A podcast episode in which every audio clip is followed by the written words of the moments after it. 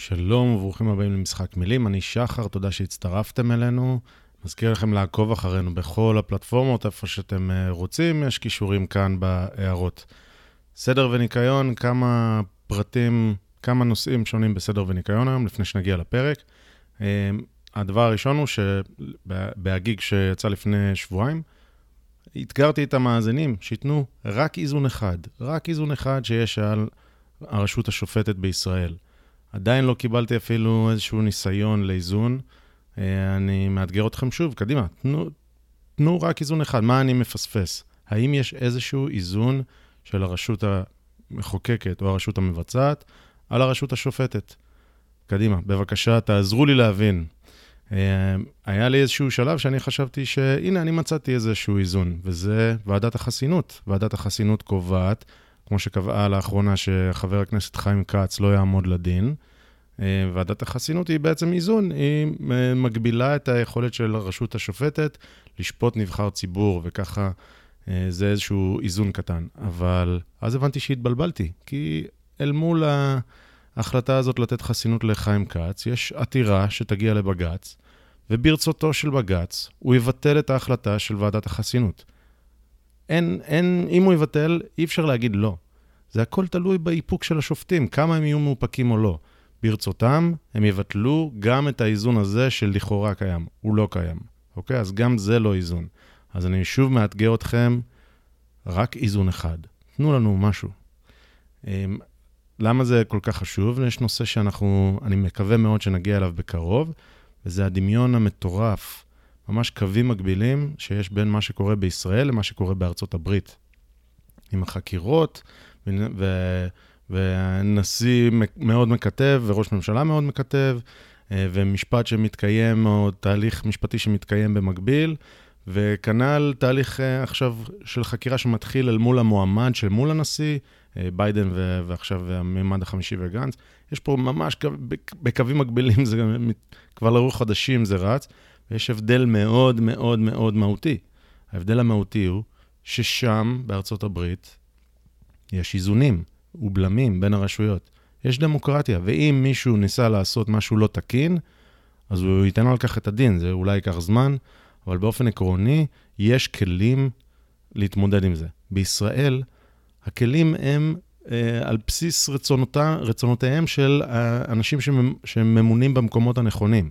אוקיי? ירצה היועץ המשפטי, ירצה פרקליט המדינה, או ירצה איזשהו שופט אה, כזה או אחר, האמת ששופטים קצת פחות אה, רלוונטיים לעסק הזה, אבל אה, אה, מח"ש והפרקליטות והיועץ המשפטי הם הגופים שבעצם מחליטים אם מישהו ייתן את הדין על משהו לא תקין או לא. אה, וזה הבדל מאוד מהותי, ואני מאוד מאוד מאוד מקווה שיהיה לנו פה אורח שידבר איתנו על, על הקווים המקבילים האלה שהם מאוד מאוד שונים. נושא הבא, יש רצף של כמה מכתבים ש... שממוענים לנש... לנשיא המדינה ריבלין, שאומרים, אל תטיל את uh, הרכבת הממשלה על נתניהו. אז אני לא הולך להצביע לנתניהו, אבל המכתבים האלה הם פשוט, uh, סלחו לי, הם רדודים והם לא מבינים מה זה דמוקרטיה. כן, אני, אם יש מישהו שהוגש נגדו כתב אישום, אה, אה, על שוחד, אני כנראה לא אמנה אותו למנכ"ל בחברה שאני יושב ראש הדירקטוריון שלה, נכון. דרג ממונה, חד משמעית, כנראה שלא הייתי רוצה למנות מישהו שיש נגדו כתב אישום. אבל יש הבדל מאוד מאוד מהותי בין דרג ממונה לבין דרג נבחר. הדרג הנבחר ממונה על ידי העם, ואם העם בחר, אוקיי? דמיינו סיטואציה שבה יש 70 חברי כנסת שממליצים על נתניהו. האם נשיא המדינה ילך נגד, המכתב בעצם קורא לו ללכת נגד אותם 70 מנדטים שהמליצו על, על אותו מועמד לראשות הממשלה. אה, שלא לדבר על זה שזה מנוגד לחלוטין לחוקי יסוד ולחוקים רגילים.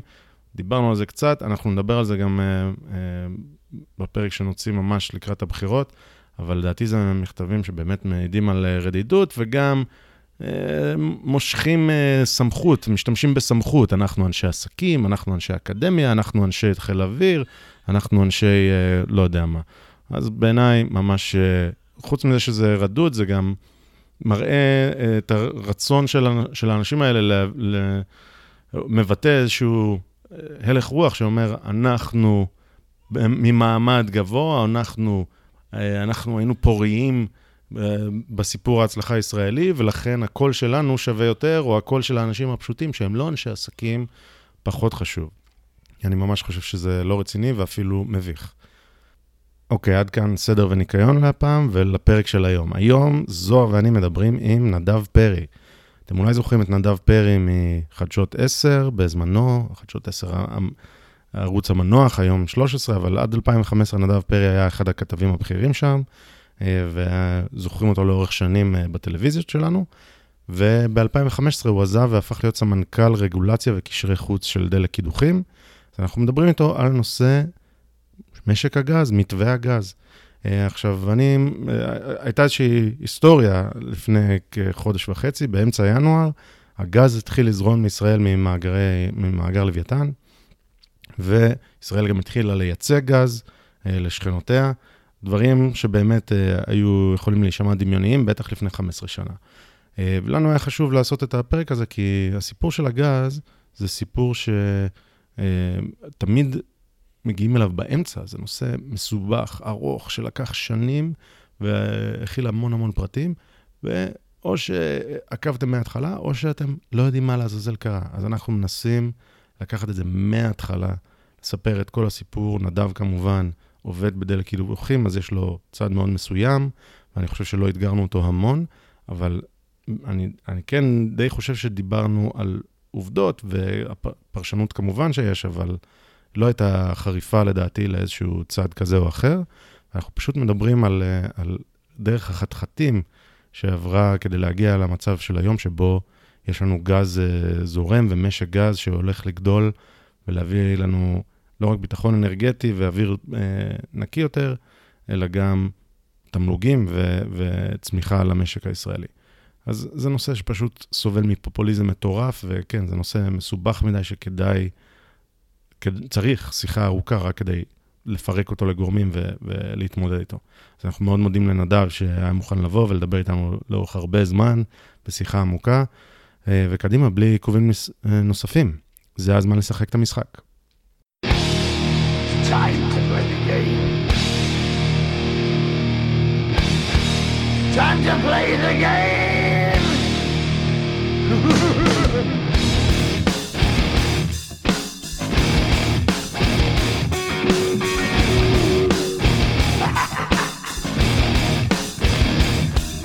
it's all about the game and how you play it. All about control. And if you can take it, all about your debt. And if you can שלום, ברוכים הבאים למשחק מילים, הפודקאסט שבו זוהר ואני מנסים להישמע קצת יותר חכמים ממה שאנחנו, ולא מצליחים, שזוהר, אם תחשוב על זה, אפשר לפרש את זה לשני הכיוונים, לא? לגמרי, כן. פשוט אי אפשר להישמע יותר חכמים ממה שאנחנו. בלתי אפשרי. מה קורה, לא, שחר? לא, לא הבנת, לא הבנת. לא, טוב. שוב. אהלן. מה אה, קורה? מצוין, מצוין. אה, בואו נציג את האורח שלנו. קדימה. היום אנחנו מדברים עם נדב פרי, אהלן. אהלן, מה שלומכם? טוב, תודה. תודה, תודה. הכל טוב. כן. אה, תודה שהצטרפת. בשמחה.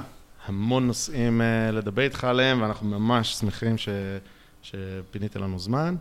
אה, ונראה לי שאנחנו נצלול, עשינו איזו רשימה קצרה, אבל אנחנו, של נושאים, אבל נזרום, כרגיל. נתקוף אותם אחד-אחד. אחד-אחד. אז בואו נתקוף, נתחיל בתקיפה שלך.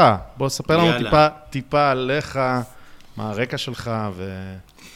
אמ, אוקיי, אז אמ, אני היום אה, עובד בדלק קידוחים. דלק קידוחים היא בעצם אה, הזרוע, זרוע הגז הטבעי של קבוצת דלק אה, בבעלות יצחק תשובה. זו בעצם השותפות, אמ, המבנה המשפטי שלה הוא של שותפות מוגבלת, זה כמו חברה, רק ב... בוא נאמר, זה כמו חברה מבחינת ההתנהלות השוטפת, זה לא כמו חברה מבחינת המבנה המשפטי, אה, אבל, אבל זו בעצם הזרוע ש, אה, של קבוצת דלק שמעורבת בכל תגליות הגז הטבעי.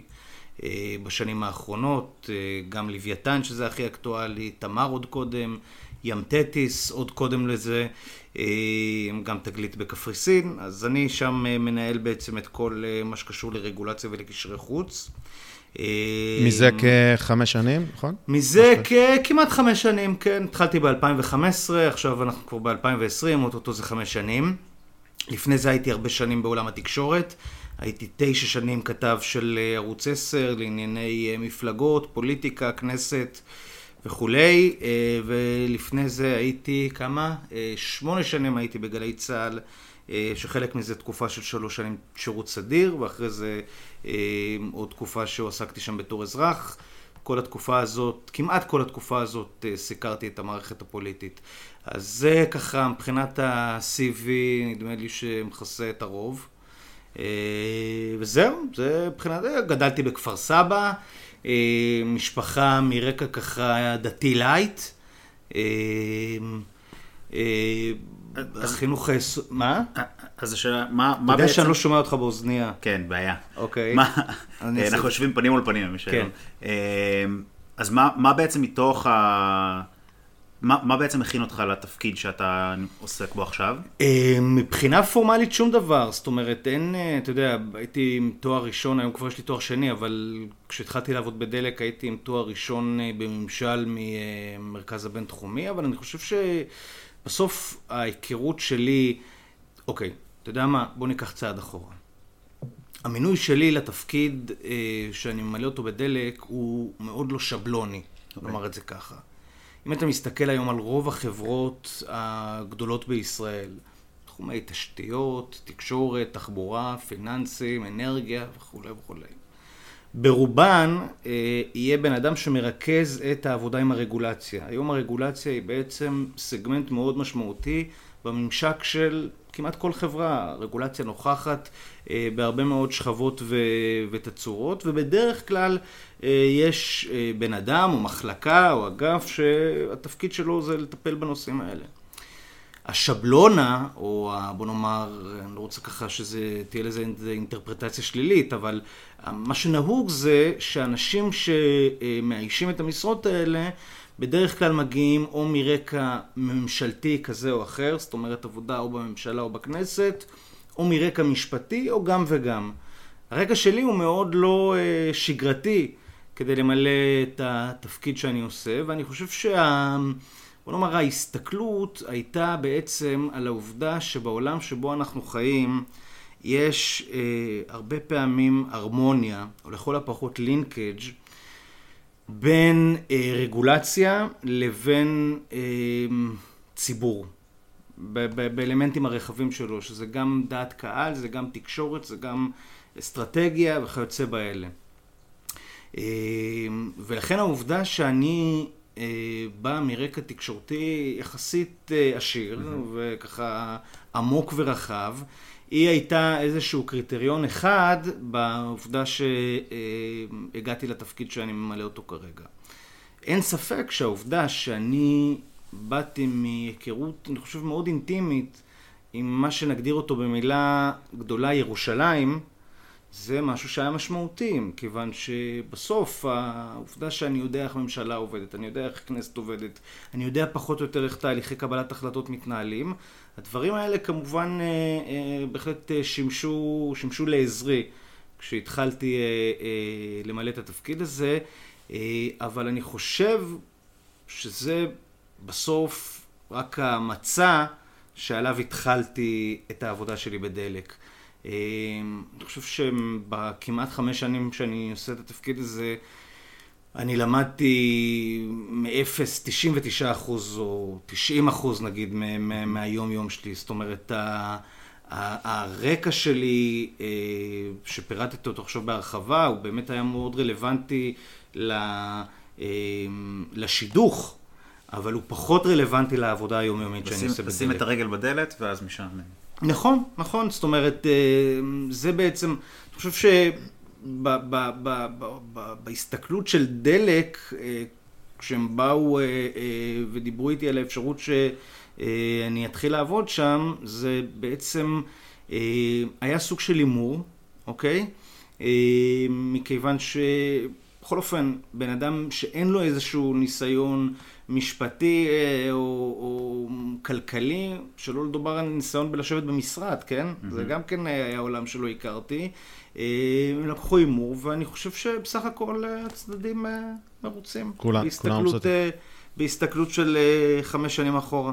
אז, אז אפשר אולי להניח, אני לא יודע אם ת, תרגיש נוח להגיד משהו כזה, אבל אפשר להניח שמכיוון שהיה כזה זרקור על נושא הגז ועל דלק וטייקונים והמיתוג הזה, ובעצם היה, אה, אני אגיד את המילה עליהום, אבל אולי, אולי מישהו ירצה להגיד מילה אחרת, עליהום ציבורי, אז מבחינת האיזונים אמרו, אוקיי, אה, נדב יש לו גם את היכולת להתמודד עם עליהום ציבורי, עם התקשורת, וגם במקרה הוא היה כתב פוליטי, ואולי כתב אה, תראה, כנסת וזה, אז, אז, אז, אז שיחקת, זאת אומרת, בספקטרום הזה שבין הציבור לרגולציה, אמרו, אוקיי, חשוב יותר הציבורי והרגולציה נדב אילמן. לא, אני, אני לא חושב שזה מה שאמרו, כי, כי רגולציה, בטח במקום כמו המקום שאני עובד בו, היא, היא נוכחת מטורפת. בכל רגע נתון ובכל צעד ושעל, באמת, ואין ספור גם גופים, ש, גופים של הרגולציה ש, שמתחככים או מעורבים או, או,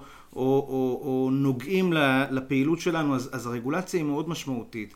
אבל אי אפשר להתעלם מהעובדה שאנחנו גוף שנמצא בטח ביחס לגופים כלכליים אחרים, שאנחנו נמצאים, ב, אה, לא הייתי אומר במרכז תשומת הלב, אבל אנחנו חשופים להרבה מאוד סיקור, ואנחנו, אתה יכול לקרוא לזה, נמצאים תחת מיקרוסקופ, או נמצאים על הגריל, או נמצאים בכותרות, או איך שלא תקרא לזה, העובדה היא ש... שה... חיכוך עם התקשורת והנוכחות שלנו בשיח הציבורי היא מאוד משמעותית, ולכן העובדה ש... בן אדם אחד, לצורך העניין אני, אה, אה, מרכז פעילות שהיא רלוונטית גם לרגולציה וגם, ל, בוא נאמר, לדעת הקהל או להתנהלות מול הציבור, אה, אני, אני, אני חושב שהיא הולמת את, ה, את האתגרים שאנחנו מתמודדים איתם כן. בעבודה שלנו. אני חושב, אבל, ואולי לא אמרתי את זה, שיש שני דברים שהופכים עיתונאי לעיתונאי טוב. שתי תכונות יסוד. ו, והתכונות האלה הן רלוונטיות לכל מקום, לכל דיסציפלינה ולכל עבודה. ואלו הן. אחת, אה, היכולת לזהות את העיקר מן הטפל, אוקיי? לברור את המוץ מהתבן וכל המשפטים בעצם ה, ה, ה, שבאים לתאר יכולת של בן אדם להבין מה חשוב, וזה דבר שעיתונאי שהוא חי חדשות ויודע מה כותרת, מה משמעותי, מה... חי את זה, זאת אומרת, ו- וזה משהו שהוא רלוונטי לכל דבר, לכל עניין, תמיד mm-hmm. אה, אה, אתה רוצה לנסות לדעת, להבין מה חשוב, לברור את, את מה שמהותי, את מה שמשמעותי, זה דבר אחד. דבר שני, בסוף עיתונאי הוא בן אדם שיודע לדבר עם בני אדם, הוא בן אדם שיודע ליצור מערכות יחסים. אני חושב שאני ב-17 שנים שעסקתי במקצוע העיתונאי, אמ, התנסיתי ולמדתי לפתח כישורים גם בתחום של לזהות מה חשוב, מה משמעותי, לדעת לייצר מערכות יחסים, והדברים האלה עזרו לי כעיתונאי ועוזרים לי היום ויעזרו לי בעתיד בכל מקום שאני לא אהיה בו, אני מקווה. אוקיי, okay, יפה. Okay. אז אה, אה, הייתי רוצה אחרי זה אולי לנסות, אם יהיה לנו זמן, לדבר קצת על uh, תפקיד העיתונות ב... בסיפור הזה ובכלל, אבל בוא רגע, כדי לחזור אחורה, אחרי שדיברנו על הרקע שלך ו- ומה הפך אותך לגיוס כל כך מתאים לדלק, בוא נחזור אחורה. לפני עשור, 11 שנה, 12 שנים, אה, ישראל הייתה מדינה נטולת משאבים טבעיים כמעט. בואו ננסה לעשות איזושהי סקירה קצרה של מה קרה עד היום, ו... ו... ונגיע להיום, ו... להיום ונדבר על העתיד, אבל okay. נוכל אוקיי. לעשות רגע timeline מאוד בגדול של מה, מה היה פה, מאגרים. תראה, בעצם אה, זמן קצר אחרי שמדינת ישראל קמה, החלה אה, הממשלה, אנחנו מדברים על שנות החמישים, אנחנו מדברים על חוק הנפט שהניח בעצם את התשתית לחיפושי גז טבעי ונפט במדינת ישראל, זה חוק שנחקק ב-1952. ובעצם הלוגיקה הייתה מאוד פשוטה, אנחנו נמצאים במזרח התיכון, מסביבנו אה, יש מרבצים אדירים של נפט, גז טבעי פחות היה אז בתודעה, אבל היה ברור שהאזור הזה הוא אזור שיש בו נוכחות של אה, מאגרים הידרוקרבונים, אוקיי? דלקים פוסיליים. בואו נחפש, נחפש ונמצא. באה מדינת ישראל, הקימה חברות ממשלתיות, שנפתא, חנ"ל, אה, לפידות, חברות שבעצם אה, אה, ניסו אה, וריכזו את הפעילות של חיפושי נפט במדינת ישראל, ולא הצליחו. היו אה, אה, פה ושם אירועים שיצרו תקווה, גילו מאגר של גז טבעי בערד, שנקרא זוהר, סמוך לערד. אה, גילו אה, איזשהו שדה בחלץ, אה, היו באמת ניסיונות לייצר איזושהי תשתית בסיני, אבל הדברים האלה לרוב בלמעלה מ-90% מהפעמים הסתיימו במפחי נפש. וזה היה יוצר, היו בעצם, הדיבור היה על תעשיית חיפושי הנפט בישראל, מכיוון שהיו מחפשים, היו מודיעים לבורסה שהנה אוטוטו אנחנו גילינו סימני משהו. נפט. סימני נפט, ובדרך כלל זה היה מסתיים באכזבה מרה. וזה הכל ממשלתי. וזה הכל אה, חברות שהן בבעלות ממשלת ישראל, עד שבמחצית הראשונה של שנות התשעים, חושב שזה או סוף ממשלת הליכוד של שמיר, או תחילת ממשלת רבין, אני לא רוצה אה, שתתפסו אותי על שנה, אה, בעצם המדינה משנה דיסקט, ואומרת, אנחנו מבינים שכממשלה אנחנו מתקשים להביא ערך בתחום הזה שנקרא חיפושי גז טבעי ונפט, בעיקר מכיוון שזה תחום שהוא דורש המון מומחיות. אתם יודעים שעד היום במדינת ישראל אין חברה או גוף שיש לו התמחות בקידוחים, לא כל שכן קידוחים בים, שזה בכלל איזשהו וריאנט של תעשיית החיפושים ש, ש, שבכלל החל להיות דומיננטי לקראת סוף, סוף המאה ה-20, בערך בתקופה הזאת. אה, שנות ה-80, שנות ה-90, זה הפך להיות משהו שהוא אה, יותר ויותר נפוץ. והמדינה אומרת, אני כמדינה לא טובה בזה. אני רוצה להעביר בעצם אה, את כל השוק הזה להפרטה, על מנת ששחקנים פרטיים הם אלה שינסו להשיג את מה שאני כמדינה לא הצלחתי. ומה שקורה זה שבעצם מתחיל משטר חדש של אה, אה, המשק הפרטי, השוק הפרטי, שיוזם חיפושים של נפט וגז במדינת ישראל, ובאותה אה, תקופה... על בסיס זיכיונות? אה, על בסיס רישיונות. רישיונות. על בסיס רישיונות שהמדינה נותנת, כאשר אה, בוא נאמר שהנעלם שה, הגדול היה מה קורה בים. מכיוון שקידוחים וניסיונות וסימני נפט בנגב ובים המלח ובאזורים שונים, גם במרכז, היו לאורך באמת כל השנים, אבל בים אף אחד לא חיפש. בסביב, אני חושב, שנת 97-98, התחילו יותר ויותר שחקנים לנסות ו... לחפש נפט וגז בים, והמדינה החלה לחלק רישיונות, והרישיונות האלה ניתנו לכל מיני שחקנים, והבעיה המרכזית הייתה אה, כפולה. אחד, אמונה, ושתיים, יכולת. אמונה, הכוונה, לא היו מספיק גופים רציניים שהאמינו ששווה להקדיש את הזמן ובעיקר את המשאבים בקידוח בים למטרת אקספלורציה, למטרת מחקר, בניסיון לאתר נפט וגז טבעי. כי תראו, אני אגיד לכם משהו, אם יש לכם 150 מיליון דולר בכיס, ואתם מחפשים השקעה, לקדוח חור באמצע הים, זה לא ההשקעה הכי בטוחה. רוב האנשים שיש להם את הקפיטל, את ההון, ומחפשים מקורות להשקעה, השקיעו אותו בסחורות, השקיעו אותו בפיננסים, ישקיעו אותו בנדל"ן, רובם לא ילכו להשקיע בחור אה, שנמצא בלב ים. אלה שמתנסים בזה, אלה שמכירים את זה, חברות אנרגיה בינלאומיות, בכלל נרתעו במדינת ישראל. שוק בתולי, אין לו רקע, הוא אה, סדין אדום בעיני רבות ממדינות ערב, שחברות הנפט פעילות בהן, כי שם אנחנו יודעים שיש היסטוריה ארוכה של פעילות של אה, אה, אה, הפקת גז ונפט. ולכן היה מאוד קשה, הגיעה למשל חברת BG, בריטיש גז, היום היא אה, אה, נרכשה על ידי של ההולנדית. היא הגיעה לכאן, אה, נכנסה לכמה רישיונות, למשל רישיון תמר, פרוספקט תמר, אז עוד לא היה רישיון, היה רישיונות שקראו להם אה, מיכל ומתן, ו... ולא רצתה להישאר ברישיון.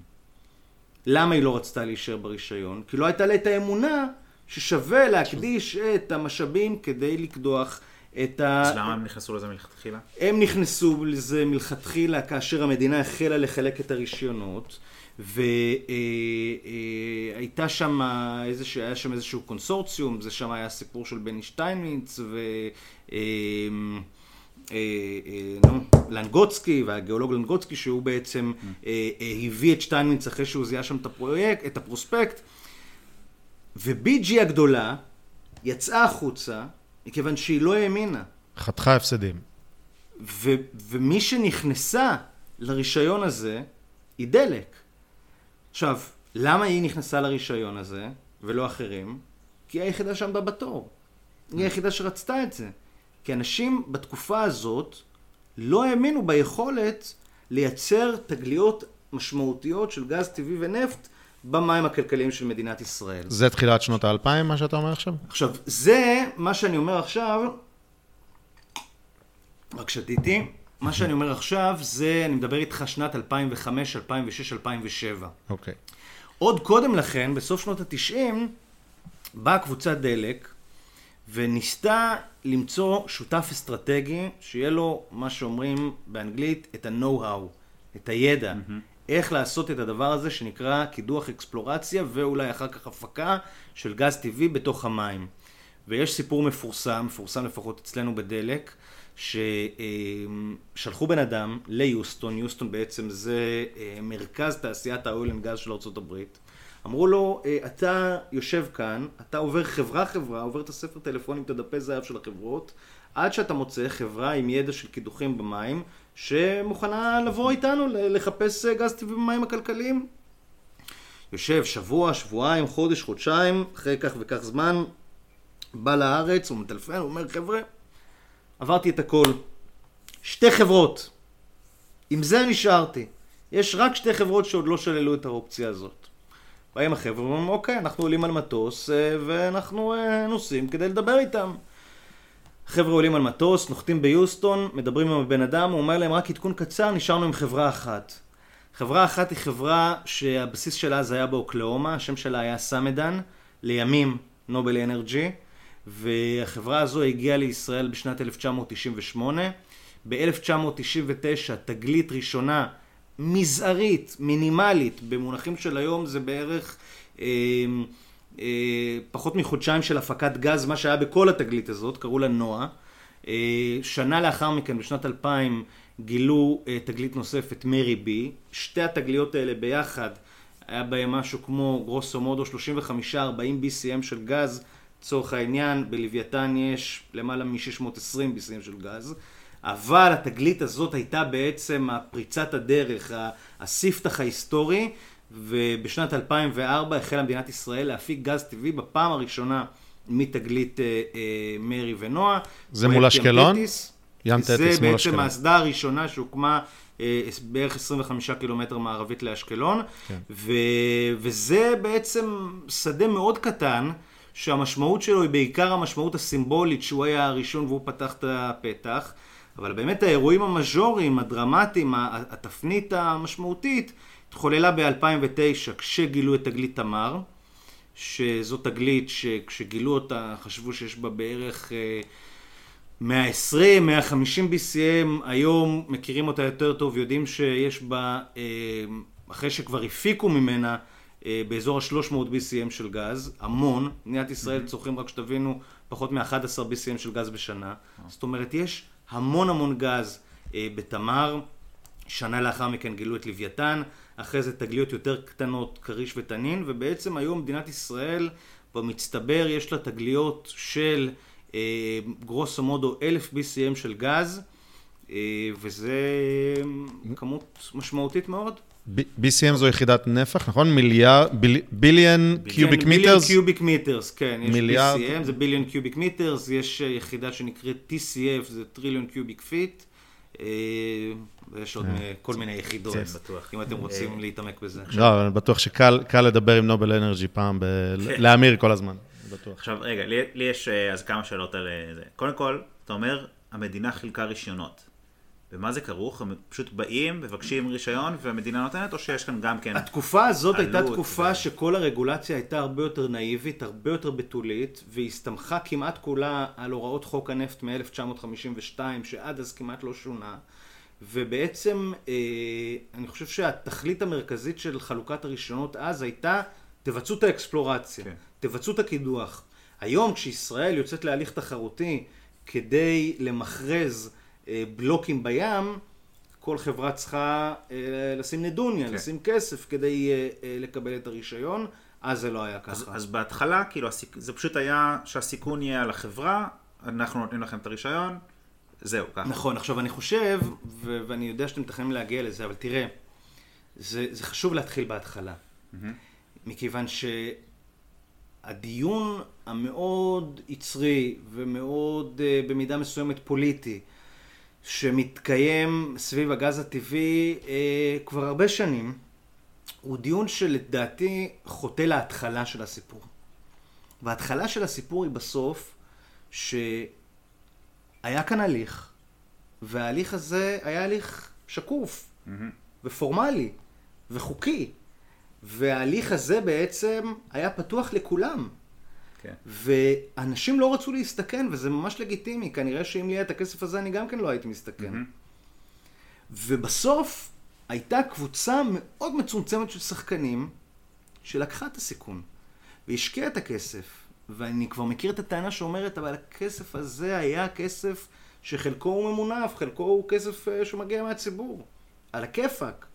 אבל עדיין הסיכון היה כן. על השחקן שלקח את ההימור הזה והלך לאקספלורציה. רגע, תסביר את הנקודה הזאת, כי זה בטח... אה, זה לא, ש... תראה. זה לא שתשובה הוציא אה, צ'ק וכתב אה, לא. את הכסף, אלא, תראה. אלא הוא לקח הלוואות וזה היה ממונף על ידי הציבור. אז כבר- איפה אני- הסיכון? אני פשוט, אני פשוט מאוד. מתורגל כבר ב- ב- בוויכוח ובטענות השונות שעולות. אז אתה כן. בא לבן אדם ואומר לו, אתה יודע, מי שלקח את הסיכון ו- והשקיע 100 או 150 מיליון דולר בקידוח שהסיכויי ההצלחה שלו זה 20 אחוז או 30 אחוז, זאת אומרת, זה אומר בין 70 ל-80 אחוז שאתה מפסיד את כל הכסף, אתה אומר, אז, אז, אז מגיע לו ליהנות מהתגלית. הוא לקח הימור, ווואלה, הלך לו.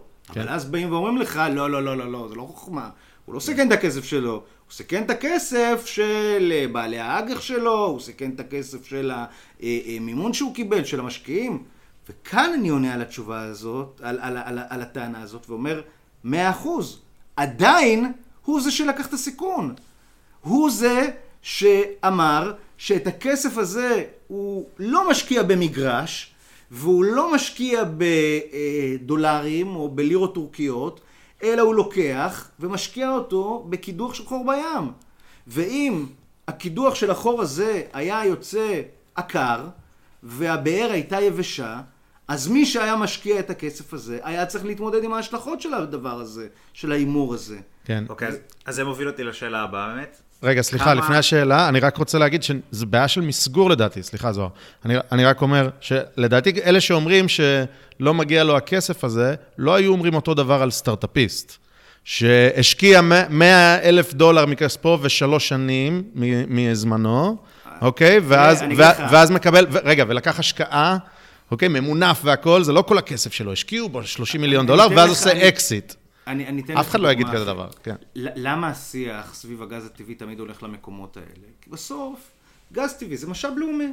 זה, ו- ו- ולכן אומרים, איך יכול להיות שאנשים פרטיים עושים כסף ממשאב לאומי? עכשיו, חברות שמתפילות מי ים, כן? משקיעות בטכנולוגיה אה, באמת מתקדמת ביותר. שמות כסף על מתקן תשתית אדיר. אני, את- אתם יודעים, מתקן התפלה, אתה צריך שם להשקיע הון עתק ב- ביצירת התשתית, ב- ב- בהשקעה ב- ב- ב- ב- ב- ב- בבריכות האלה ש- שמבצעות את כל התהליך הזה, בחשמל שזה דורש, אבל המים הם שלנו. אז, אז מגיע למישהו שעושה את כל ההשקעה הזאת לקבל אה, אה, רווח, או לא מגיע למישהו? כן. אותו דבר, אותו דבר אני יכול להגיד על אה, בן אדם שמשקיע ב, במגרש אה, אדמה, כן. ובונה עליו מגדל, אבל האדמה היא שלנו, היא שייכת ל, ל, למקרקעי ישראל. בדיוק, גם, גם תמרי מג'הול, זה על בסיס האקלים שלנו והאדמה שלנו. אני חושב שזה פשוט טיעון, טיעון מצחיק, שזה... אבל, אבל, אבל, אבל זה טיעון שהוא טיעון שתופס, ו, ואנשים שהם אנשים שאני מעריך את עמדתם, והם אנשים אינטליגנטים, באים ואומרים, עכשיו אם אתה אומר הלאמה, הלאמה, בסדר, אוקיי, זה, זה גישה כלכלית שאני חושב שהיא מאוד uh, אקסטרימית. הייתה הלאמה, uh, הייתה. כן, ניסו בהתחלה. סיפרת את הסיפור, הייתה הלאמה, זה היה מולאם. לא, אה, נכון. הייתה העלמה, ככה זה התחיל, בסדר, זה לא היה הליך של העלמה אחרי שזה הופרט כמו נכון. ונצואלה. אבל, אבל, אבל בסוף זה, זה, זה, זה נימוק שאני חושב שהוא תופס הרבה אנשים אינטליגנטים, אבל הוא נימוק שכשאתה פורט אותו, אתה מבין ש, שבאמת אין, אין, אין מאחוריו בשר. זאת אומרת, נכון, המשאב הוא משאב לאומי, אבל הרישיון שניתן הוא ניתן על ידי הממשלה. Mm-hmm. והסיכון שנלקח, הוא נלקח בצורה שקופה וברורה, והרגולציה הייתה ברורה, ולכן הסיפור צריך להיות מסופר מההתחלה. והסיפור של הגז חייב להתחיל מהנקודה שהיא מדינת ישראל, שנות התשעים, תחילת העשור הקודם, שוק בתול לחלוטין, שוק שכמעט כולם מתרחקים ממנו, גם שחקנים זרים, גם שחקנים מקומיים. היו שחקנים מקומיים שהתחילו להתעסק בשוק הזה ומשכו את הרגליים שלהם ממנו. ו, ובסוף, ברגע שנלקח הסיכון, הצד השני שלו הוא צריך להיות תמורה בגין הסיכון. אוקיי, okay, אז, אז, אז זה בכל זאת מוביל אותי לשאלה שלי, שאתה מספר לנו את סיפורי ההצלחה בעצם, כן? אתה אומר, אה, זה, מצאו את, אה, את אה, נועה ואת מרי בי, נכון? זה שם? ב-99 ו-2000. אבל כמה, כמה מקרים כאלו היו שכן לקחו את הסיכון ונשארו עם כלום ביד? תראה, בעצם יש דוגמאות שהיו כאן ב... ב... תראה, אחרי שגילו את תמר ואת לוויתן, הייתה מין נדנדה שנעה מקיצוניות אחת לקיצוניות הפוכה. Okay. אוקיי. שהייתה תחושה שכל מי שיגדע כן. חור, אה, תהיה לו בוננזה ביד. וזו הייתה תקופה של כמה אכזבות, הייתה אה, אה, פרשייה של אה, מירה ושרה, שני קידוחים שהיו בבעלות הכשרת היישוב אם אני לא טועה, ותקופה שאני עוד לא הייתי בתחום הזה, אז פחות חייתי את זה, אבל אה, אה, היה שם פרוספקט והייתה אופטימיות אה, מאוד אה, משמעותית, ו... קדחו ולא מצאו. ומי שלקח את הסיכון, נשא בתוצאות. ו... אבל כאילו, נשאר, עם הפיין, הראשון... נשאר עם הפיין בלי הגיין. בקידוח אז... אה, הראשון אבל מצאו כבר? זה בעצם... אה, לא, אה, תראה, בקיד... תשמע, ברישיון הראשון. אני בן אדם ככה. שמאוד נזהר ממזל רע ומככה לפתוח okay. אוקיי. פה לשטן, אבל השותפות של דלק ונובל, שהחלה בנועה והתקדמה למרי בי, ועברה בתמר יחד עם שותפים נוספים והגיעה ללוויתן, ואחרי זה אפילו אפרודיטה, יש לה שיעורי הצלחה בלתי נתפסים. כן. אה, אה, לא היה אה, קידוח אקספלורציה של דלק ונובל שלא מצאו בו גז, אפילו קידוח שנקרא אה, דולפין, כן. אוקיי? שקדחו אותו, אני לא זוכר באיזה שנה, מצאו שם תגלית גז שבדיעבד החליטה המדינה שהיא לא כלכלית ולכן לא אפשר לנו לפתח אותה, אבל אפילו בקידוח כושל כזה מצאו כמה מולקולות כן. של גז, וזה אה, סטנדרטים של אה, אה, אה, תגליות שהם... אני חושב לא מוכרים בתעשייה הזאת. אז תגיד, כן, רק אז לא, כדי... לא, אז המדינה, המדינה לא ניסתה לקדוח בעצמה במים, ו... לא, המדינה, המדינה, המדינה, הקידוח הראשון שנעשה בישראל בים התיכון היה קידוח נועה ב-1999. וזה קידוח שדלק, יחד עם אבנר, שלימים נטמעה בדלק, יחד עם אה, אה, נובל אנרג'י. אז תגיד, רק כדי, אה, אמרת על שיעורי ההצלחה והמאגרים השונים שיש לשותפות הזאת, אבל יכולים לבוא המקטרגים שלך ולהגיד, חסמתם בעצם חברות אחרות מלקדוח במקומות ה... הסבירים. יש כזה דבר? היה, יש מכרז לכל רישיון כזה, או שאיך זה עובד בדיוק? תראה, ב- ב- בתקופה ההיא, אה, בעצם היו מעט מאוד שחקנים דומיננטיים בשוק החיפושים. אז זה היה שוק של חיפושים, זה לא היה שוק של תגליות או מכירה, כן? עכשיו, למה הדבר דומה? נגיד, אתה אה, מחר יחד עם אה, זוהר אחיך מחליט שאתם רוצים לחפש זהב במדינת ישראל, אוקיי? נשמע טוב. אתם באים למדינה, היא אומרת לכם, אה, אוקיי, אני מחלקת אה, את השטח נגיד של הנגב למתחמים. מתחם א', מתחם ב', מתחם ג'. אז אתה הולך לחפש באלף, בב', בג'. אין איזשהו תור של אנשים שמחפשים איתך את הזהב הזה, כי מה, מה, מה, יש, מה יש זהב בישראל? מה הקשר? זאת אומרת, לא היה תור. זה לא שבריינתם מישהו החוצה, אתם הייתם לבד. היה מגרש אני- שער אני- ריק. זה נכון, זה נכון, זה אוקיי. נכון שאנחנו היינו לבד, וזה נכון שאנחנו גם מאוד רצינו. זאת אומרת, אה, אחר כך, מה קרה? אחר כך מצאנו תגלית משמעותית בתמר, ותגלית משמעותית בלוויתן, ואז באו ואמרו, רגע, מה, מה, מה הם עושים בכלל בלוויתן? הם, אה, מונופול. אומרת, מה, מה קרה? הם, יש להם כבר בתמר, איך יכול להיות שיש להם בלוויתן? וזה בעצם האירוע שגלגל את כל המהלך שהוביל למתווה הגז, ובעצם יצר כאן אה, שנה וחצי, או כמעט שנתיים של אה, הנה, אנחנו קיפאון מגיעים לזה. בתעשייה הזאת. הנה אנחנו מגיעים לזה. לוויית... תמר התגלה ב-2009 תשע. ולוויתן ב-2010, נכון? עשר, נכון. אנחנו עכשיו ב-2020, רק עכשיו אתם מוציאים גז מלוויתן. מה, זה אמור לקחת, אמרת מומחים. אמור לקחת כן. 3-4 שנים, מה קורה לכם? אז תראה, אה, בעצם, משעה שגילו את הגז בתמר ובלוויתן, החלה אה, סוג של אה, רכבת הרים. רכבת הרים במשק האנרגיה הישראלי, ורכבת הרים ברגולציה על שוק האנרגיה הישראלי. כי קודם כל, עוד לפני שבכלל ידעו איך הולכים לפתח, מה הולכים לפתח, אתה יודע, זה שיש לך שדה בגז, זה על הכיפאק, אבל בסוף אתה צריך להוריד את השלושה ארבעה מיליארד דולר, בואו אני אסביר לכם, סתם פשוט כדי לסבר את האוזן. מה זה פיתוח של שדה גז? בואו ניקח לדוגמה את תמר ולוויתן, הם שניהם יחסית דומים בתמהיל הפיתוח שלהם. יש שדה של גז, מצאנו, תג... גילינו את התגלית, חגגנו ו... ו... ודיווחנו לבורסה. עכשיו, איך מוציאים את הגז?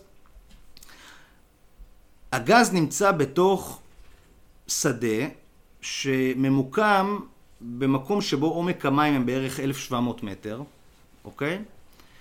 מקרקעית הים אתה לוקח עוד בערך שלושה וחצי קילומטר, למעלה מ-3,500 מטר לתוך האדמה, למעבה האדמה, זאת אומרת, אתה נמצא למעלה מחמישה קילומטר, חמישה וחצי קילומטר, בתוך, בעצם מתחת לפני לפני המים. הים, מתחת לפני הים, ושם אתה קודח, אתה צריך לקדוח מספר בארות הפקה. בלוויתן למשל התחלנו עם אה, אה, ארבע בארות הפקה, בתמר יש אה, אה, אה, שש בארות, אה, ואז אתה קודח את הבאר. אחר כך אתה צריך בעצם להוציא את כל מה שיש בבארות האלה, אתה מכנס את זה ביחד במין מאסף כזה שנקרא manifold, אוקיי? זה מגיע מכל הבארות לתוך מין איזה מרכזייה אחת של גז טבעי, ומשם בשני צינורות זה יוצא אל האסדה. האסדה היא בעצם מקום שבו מטפלים בגז, הגז מגיע כשהוא בעצם סוג של מרק. במרק הזה יש גם את הגז הטבעי, גם את הקונדנסט שזה סוג של נפט שהוא by-product של הגז הטבעי, גם נוזלי תפעול שמוזרקים לגז בראש הבאר כדי למנוע ממנו לקפוא במהלך הדרך הארוכה מהבאר עד לאסדה. זה עולה לאסדה, על האסדה עושים את ההפרדה בין הנוזלים לבין הגז, בין הנוזלים שהם נוזלים הידרוקרבונים כמו הקונדנסט לבין הנוזלים התפעוליים. כל זה אחרי זה זורם בעוד צנרת ייעודית לתוך התשתית ההולכה של מדינת ישראל. זה בערך, תדמיין עכשיו להקים רכבת תחתית בתוך המים. בסדר? כן. ואנחנו יודעים כמה זמן לוקח למדינת ישראל להקים רכבת תחתית כן. ביבשה. זה לא דבר פשוט. מי מי הקים את הרכבת תחתית הזאת? זה- זה דלק, לא המדינה, נכון? לא, מ- מ- קודם כל ה- ה- האופרייטור שלנו בפרויקטים האלה זה נובל, אוקיי. ואני חושב שהם עושים עבודה מדהימה, ונובל נעזרת במומחים, לצורך העניין לוויתן זה אה, פרויקט שעבדו עליו ב-30 מדינות, אה, השקעה של אה, למעלה משלושה וחצי מיליארד דולר, לא כולל עלויות חיפוש ועלויות קודמות. אה, זה, זה, עבוד, זה באמת, זה פרויקטים אדירים.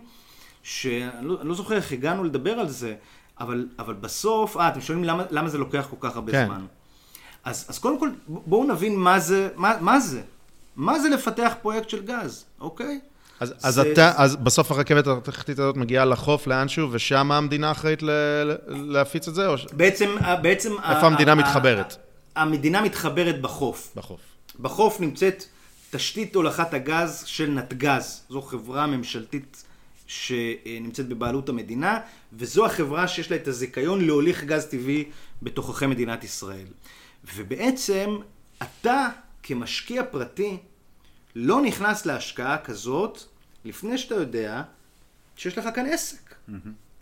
סביר להניח שבן אדם לא ישקיע שלושה או ארבעה מיליארד דולר לפני שהוא יודע שיש לו עסק. אז באו בעצם אה, אה, כל החברים בממשלה ובסקטור הפרטי בשנת 2010 ואמרו, גילינו את לוויתן, עוד קודם גילינו את תמר, מה עושים עכשיו? והתחילו בעצם לנסות ולייצר תשתית מסחרית שתצדיק פיתוח בראש ובראשונה של תמר, כי זה השדה שהתגלה קודם לכן. כן. במקביל, החל התהליך הרגולט... הרגולטורי. כי באה הממשלה ואמרה, רגע, רגע, רגע, רגע, פתאום אני הפכתי להיות uh, מעצמת גז, נכון? מה יוצא לי מזה? שאלה שעד היום נשאלת. ובאה בעצם המדינה ואמרה, אני רוצה להסדיר מחדש את uh, חלוקת ההכנסות, מה שנקרא government take. עד אז היו שתי שכבות של תשלומים שהלכו למדינה.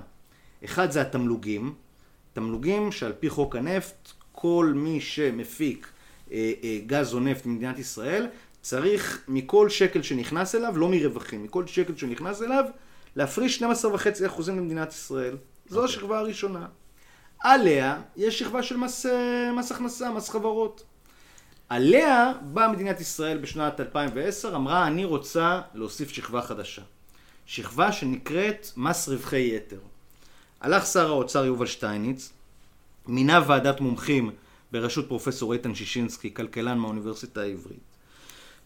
ישבו על המדוכה, ולמעשה יצרו היטל חדש שקובע רף מסוים, שברגע שאתה כיזם חוצה אותו, רף ורווחים מסוים, שברגע שאתה כיזם חוצה אותו, אתה מתחיל לשלם משמעותית יותר למדינת ישראל. זה נכון רק לגבי גז, או, או בכלליות גז- רווחים, ג- אה, לא יודע. ר- רווחים מגז ונפט, אוקיי. אוקיי? אמ, אז, אז, אז בעצם הוועדה הזו מונתה ב-2010, אה, סיימה את עבודתה ב-2011, על בסיס עבודתה הוכן חוק הידוע כחוק שישינסקי, והחוק הזה בעצם אה, נכנס לספר החוקים וזכה לתמיכה גורפת, כי גם האופוזיציה משמאל תמכה בחוק הזה, וגם הקואליציה מימין תמכה בחוק הזה, ובעצם צריך להודות, חברות הגז, שאני אז סיקרתי אותן, לא, לא אותן, אבל סיקרתי את התהליך הפוליטי, מכיוון שהייתי אז כתב בכנסת, נלחמו בגזרה הזאת, מכיוון שהם טענו טענה, שאני חושב שקשה קשה לערער עליה, שלא משנים את חוקי המשחק באמצע המשחק. כן. באנו, לקחנו את הסיכון, קדחנו את הקידוח, ידענו שאם נמצא גז, יהיה משטר רגולטורי אחד, מצאנו את הגז, ופתאום משנים את המשטר הרגולטורי. אוקיי, אז רק בשביל לסבר את האוזן, מה, אתה יודע מה המספרים? אמרת שלוש שכבות של אה, אז של כן, אז, מיסוי? אז, אז, אז, אז יש לך את התמלוגים, עליהם יש לך את מס חברות, ש, שזה מה המספרים שלהם בערך? אה, מס חברות זה היום 27 אחוז, 25 אנחנו- או משהו 20, כזה. אני לא- לא- לא- אוקיי. לא- לא- לא זוכר להגיד לך בדיוק את לא השיעור המדויק. ועל זה, וזה בעצם הבשר הגדול מבחינת הכסף שהמדינה רואה בטווח הארוך, נכנס ההיטל של שישינסקי. עכשיו, מכיוון שהתהליך של... רגע, תגיד כמה הוא, תגיד כמה הוא, כי זה ה... לא, אז, אז, אז בסוף, תראה, אני יכול להגיד לך שכשתמר למשל תתחיל בחודשים הקרובים לשלם את המס הזה, אז ככה או ככה או ככה, נתח אדיר, הרבה למעלה מ-50 ולמעלה מ-60 אחוז מהכסף שייכנס אליה, ילך למדינה. וזה מביא את הנתח של המדינה ברמה הפרויקטלית, ברמה של אה, אה, 30 שנה, 40 שנה, ל-60 אחוז בתמר. בלוויתן זה יהיה יותר מזה. תמר קיבלה גרייס, תמר בעצם, מכיוון שתהליך העבודה על ועדת שישינסקי אה, החל כבר אחרי. שתמר נתגלתה והוכרז עליה, אז בעצם אמרו שאם בשביל אה, אה, אה, לייצר אה, אה, תשתית לתשלום מס שישינסקי, שדה צריך לעשות רווחים של 150 אחוז, בתמר נתנו גרייס של 200 אחוז. אה, אה, ובעצם אה, לכן התשלום של שישינסקי מתמר יתחיל רק בשנת 2020, השנה הזאת, בעוד שלוויתן, התשלום שלו של שישינסקי יתחיל בעוד 4 או 5 שנים, שזה פרק זמן יותר קצר מאז תחילת ההפקה. מאז תחילת ההפקה ביחס למה שהיה בתמר. אז כאילו אתה אומר, אה, עד דלק- עכשיו סתם, סתם פידבק מכם, אני מצליח ל... כן, ל- מדהים. כי, כי, אני- כי לי- אני יודע שזה באמת, אני. אני יודע שזה באמת אה, דברים אז, שהם אה, אז מאוד אני רוצה מורכבים, לעשות כן? אה, כזה סיכום קצר ל- אוקיי. לראות שאני מבין. באו אה, דלק, אמרו אנחנו רוצים לקחת את הסיכון, הם ידעו, עשו את החישובים שלהם, ידעו שאם הם יש להם ג'קפוט, אם הם פוגעים במאגר, הם יכולים להרוויח בגלל שהם צריכים לשלם אה, מיסים של בסביבות ה-30% אני מבין. מס חברות ותמלוגים, כן, נכון. מס חברות ותמלוגים.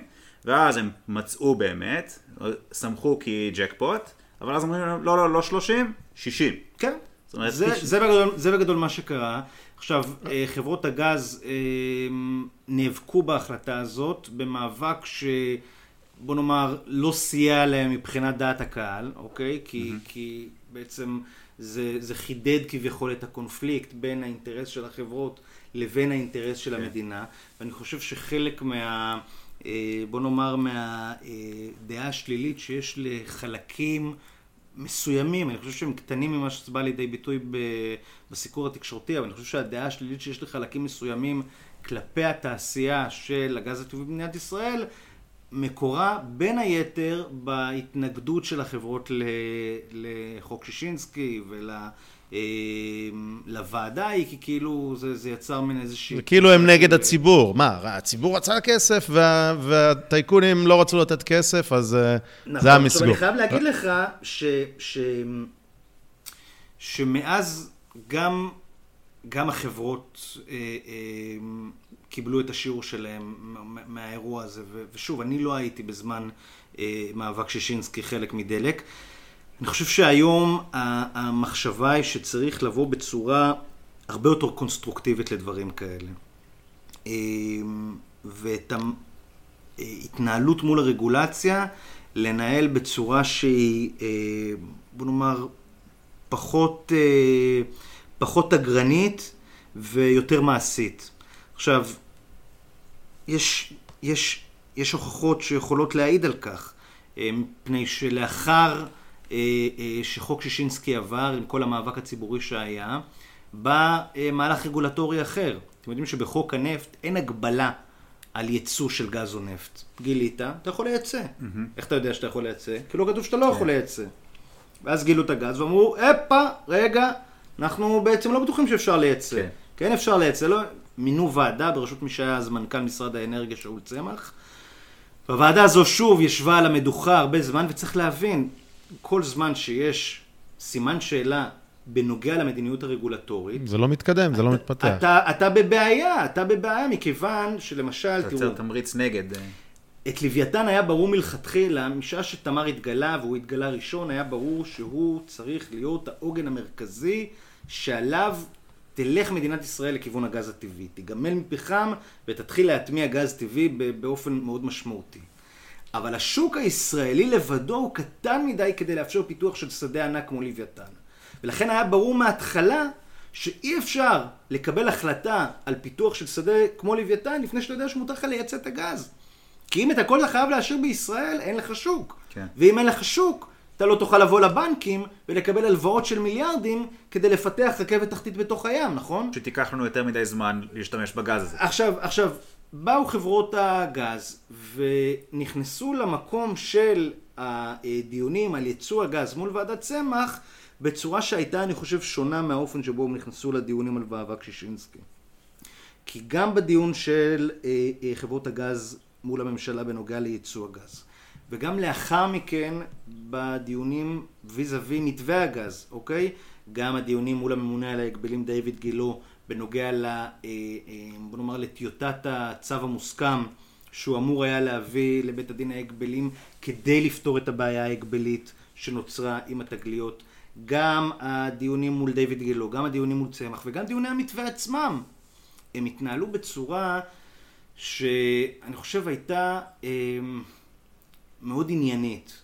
באיזה מובן אני מתכוון עניינית? תראה, אנחנו כבר כמה, אנחנו כבר אוטוטו, כמה אנחנו מדברים? כמעט שעה? 45 דקות. 45 דקות.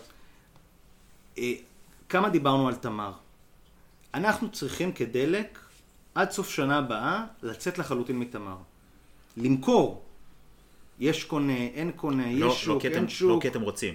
לא כי אנחנו רוצים, אלא כי חלק ממתווה הגז זה בעצם גרזן שנועד לקעקע את האחיזה לפרק, שלנו. לפרק אה, את האחיזה לפרק את הייחודית. האחיזה שלנו. כן. אז בעצם מרגע שהמתווה עבר, היינו צריכים למכור בתוך 14 חודשים, זה fire sales, זאת אומרת, אתה, אתה חייב למכור בצורה שלימים אנחנו יודעים שלא מימשה את הערך הכלכלי של כריש ותנין. היינו צריכים תוך 14 חודש למכור את כריש ותנין ועשינו את זה.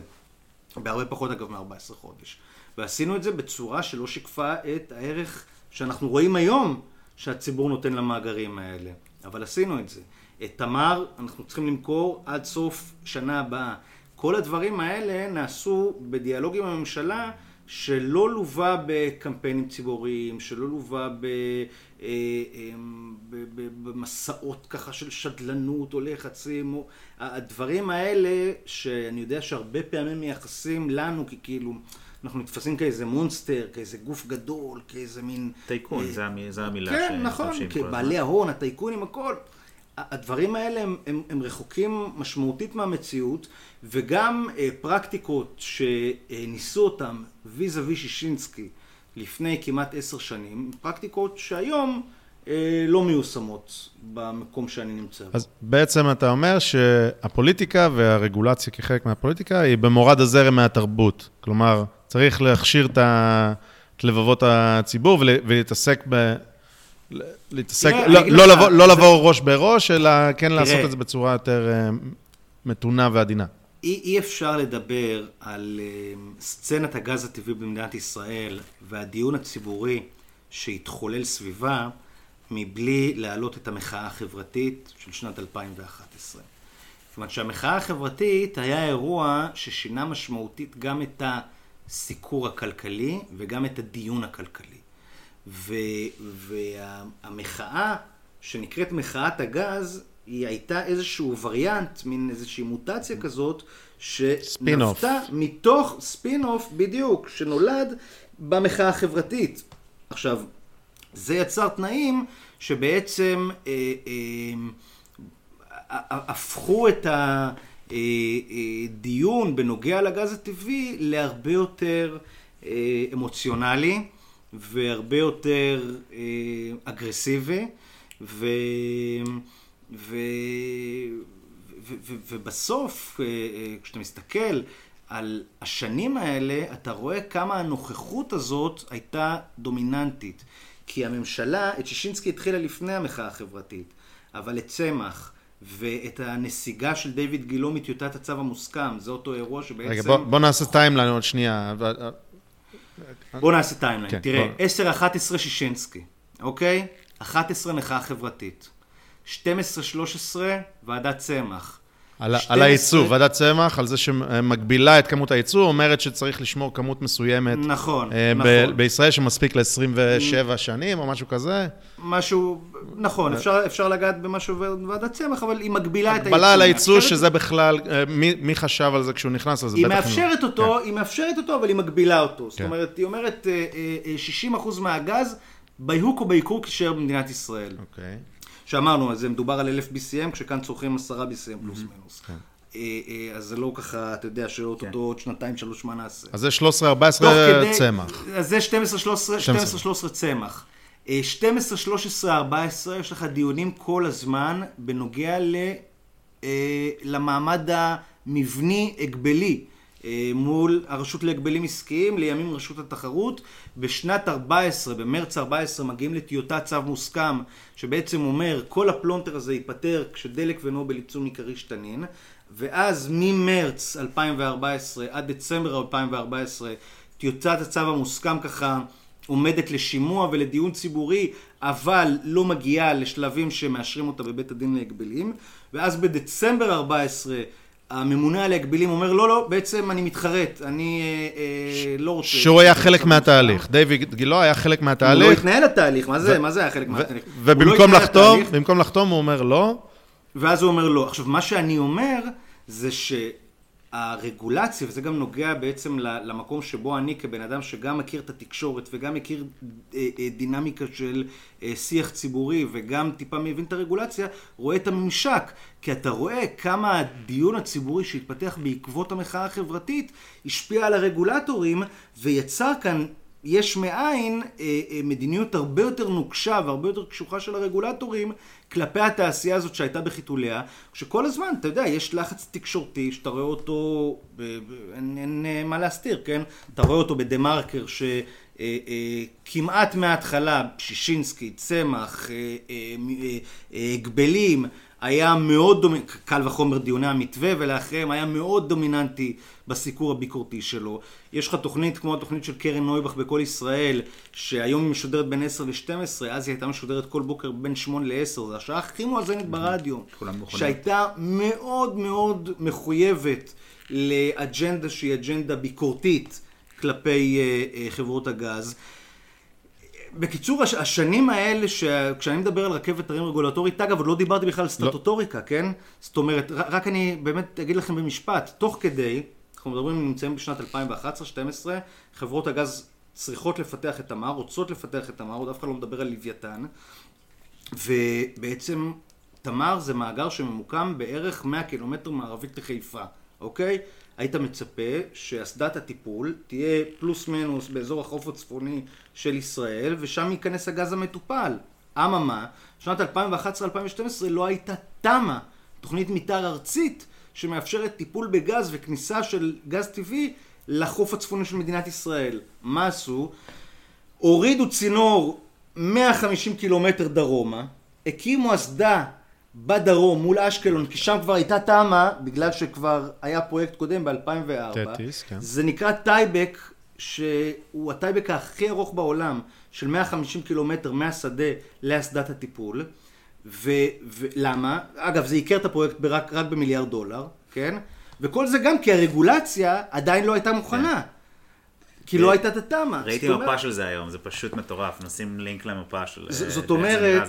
זאת אומרת, למה זה ככה אה, מסבר את האוזן? כי אתה מבין שהרגולציה על ההתפתחות של המשק הזה הייתה מאוד נוכחת, הייתה מאוד מורגשת, אני אומר הייתה מאוד אגרסיבית מהיום הראשון, הרבה מאוד בגלל השילוב הזה של דעת קהל, לחץ תקשורתי, לחץ של פוליטיקאים וכיוצא באלה, שזה יצר כאן איזושהי אטמוספירה, ו, ובעצם אני חושב שנקודת פרשת המים זה באמת אירועי המתווה. אוקיי, אז רגע, אז בוא- אז בוא. בוא נגיע דרך הטיימליין. היינו בסוף 14, דיוויד גילו אומר בעצם לא, ו... מוציא בעצם, מוציא את, ה, את החשמל מהשטקר, מוציא, את זה, מוציא את התקע מהשקע. שרק רק נגיד למה היה מחובר החשמל הזה, בעצם לדלק ונובל היה, היו שישה מאגרים ב... לא, ב- בעצם אה, אה, זה, זה היה אז תגליות. תגליות. אוקיי? אז הייתה לה תגלית תמר שכבר הפכה להיות חזקה. תמר, ב- ב- בחזקת תמר בעצם יש גם אה, יחד איתה חזקה של תגלית הרבה יותר קטנה שנקראת דלית. היה כריש תנין. אה, שעל פי טיוטת הצו המוסכם ממילא הוסכם שדלק ונובל אה, ימכרו את המאגרים האלה. הם היו אמורות להישאר בתמר ובלוויתן. אה, בא הממונה על ההגבלים אז ארבע, חמש תגליות, ובעצם יש מתווה שהיה משא ומתן עם דיוויד גילו וה, והרשות להגבלים עסקיים, על איך מפרקים את זה, ואז הוא אומר לא. נכון, וה, והמתווה הזה, שזה נקרא הצו המוסכם, היה נתון לביקורת ציבורית מאוד נוקבת של אותם כלי תקשורת ו, ו, ופוליטיקאים שדיברנו עליהם, ולאחר תשעה חודשים של מכבש אה, אגרסיבי ויומיומי, אה, בא דיוויד גילו ואמר, אה, אוקיי, התחרטתי, אני, אני לא מוכן להסדיר את הנוכחות של דלק ונובל בלוויתן באמצעות זה שהם יצאו מכריש ותנין. אני בעצם קובע שיש כאן הסדר כובל, וזהו, הן לא יכולות להיות בלוויתן. עכשיו, זו הייתה תוצאה שלמעשה הייתה תוצאה שהיה קשה להשלים איתה. כי המשמעות הייתה כפולה.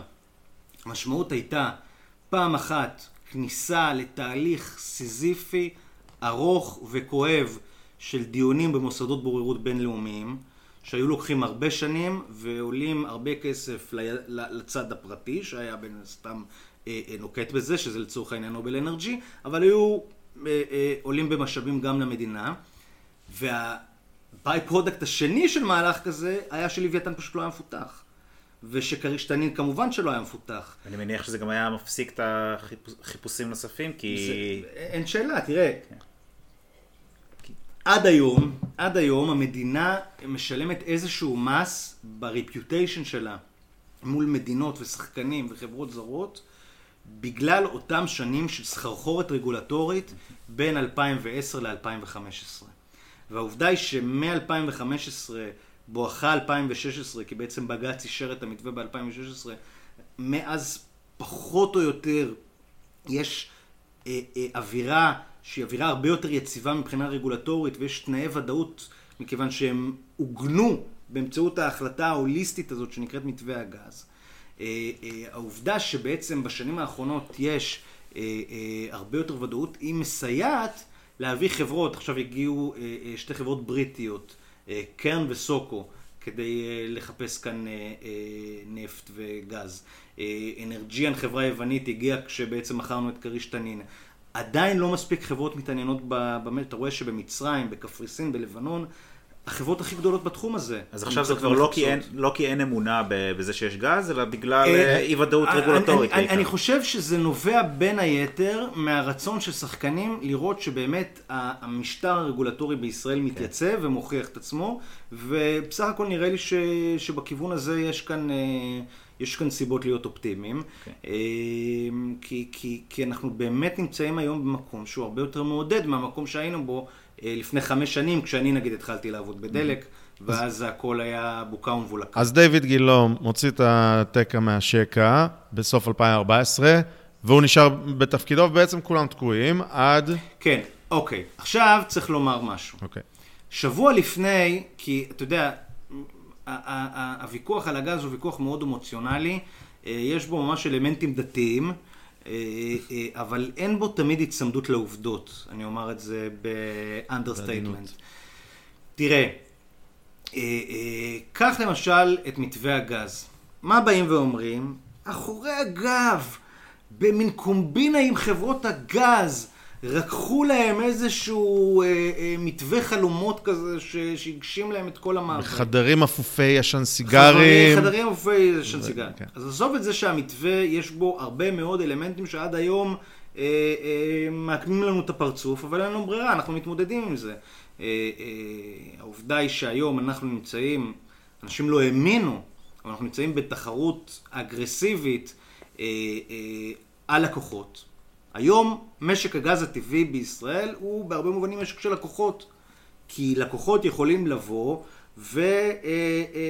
ולבדוק מה תמר מציע להם, מה לוויתן מציע להם, מה כריש-תנין מציע להם. אנחנו נמצאים היום באיזשהו אה, סוג של ויכוח מול שותפים אחרים בתמר, בגלל הסיטואציה הזאת שהם רוצים שתמר ימכור את הכל, והם לא רוצים שלוויתן... זאת אומרת, נוצר כאן ממש מצב שאי אפשר היה לדמיין אותו אה, לפני ארבע או חמש שנים. עכשיו, אה, אה, כשאתה בעצם מסתכל על המצב הזה, ואתה אה, אה, מנסה לנתח איך הגענו לנקודה הזאת, אז יש נקודה שנעלמת מהדיון, והיא התשתית המשפטית לכל האירוע הזה שנקרא מתווה הגז. שבוע לפני שדייוויד גילו הוציא את התקע מהשקע ובעצם עשה פוס על אה, כל אירוע צו מוסכם. בא המשנה דאז ליועץ המשפטי לממשלה, אבי ליכט, ואמר במכתב שהוא שלח לכל הרגולטורים, אמר חברים יקרים, אנחנו כממשלה צריכים לאגם את כל הכוחות הרגולטוריים, לשבת בחדר אחד ולנסח פעם אחת ולתמיד מדיניות הוליסטית. כי לא יכול להיות ששנה אחת מנסחים מדיניות של מס ו-government take, ושנה אחרת מנסחים מדיניות של ייצוא, ושנה אחרת מנסחים אה, מדיניות של הגבלים, וכל פעם רגולטור אחר תוקע את כל המשק הזה, בואו נייצר פעם אחת ולתמיד מדיניות סדורה של הממשלה. ומה שקרה זה ששבוע לאחר מכן נוצר הטריגר שלמעשה דחף את הנבואה של אבי ליכט. ובעקבות המהלך של דיוויד גילו, בא מי שהיה אז ראש המועצה הלאומית לכלכלה, יוג'ין קנדל, עשה כמצוותו של אבי ליכט, דה פקטו, גם אם לא דה יורה, דה פקטו זה מה שהוא עשה, לקח את כל הרגולטורים, ובעצם באירוע שבו במהלך אה, מספר חודשים, בתחילת 2015, ישבו הרגולטורים וניסחו את המדיניות, אגב, רוב הישיבות הם קיימו אותם בינם לבין עצמם, רק בחלק מהישיבות הם קיימו את המשא ומתן הזה או את הדיון הזה עם החברות הגז, זה למעשה האירוע שהוביל לדבר שכולנו היום מכירים בתור מתווה הגז, שהשם המקורי שלו זה מתווה להגדלת כמויות הגז המופקות בשדה תמר, פיתוח שדה הגז הטבעי לוויתן וכריש תנין. וחיפוש שדות גז נוספים. זה ככה, קליט. אם אני לא טועה, פלוס מינוס, מאוד קליט. אז תגיד, דיוויד גילו היה בתהליך הזה תחת אה, אותו, אותה מעטפת שיוג'ין קנדל ניסה לייצר, ופרש מתפקידו ב, ברעש גדול, חצי שנה אחרי, אחרי אותו, אותה משיכת, אה, אותו ניתוק לא, פלאג. מה שקרה, מה שקרה זה שבמהלך הדיונים על המתווה, אה, דיוויד גילו למעשה היה חלק מהרגולטורים. שישבו בחדר הסגור כדי לנסח אותו. אמ, היועץ המשפטי של רשות ההגבלים דאז, אה, אורי שוורץ, תמך במתווה, כמוהו גם הכלכלן הראשי של רשות ההגבלים דאז, דוקטור אסף אילת, היום הוא ראש רשות החשמל, שתמך במתווה. זאת אומרת, כל התשתית המקצועית של אה, משרד הממונה על ההגבלים תמכה במתווה.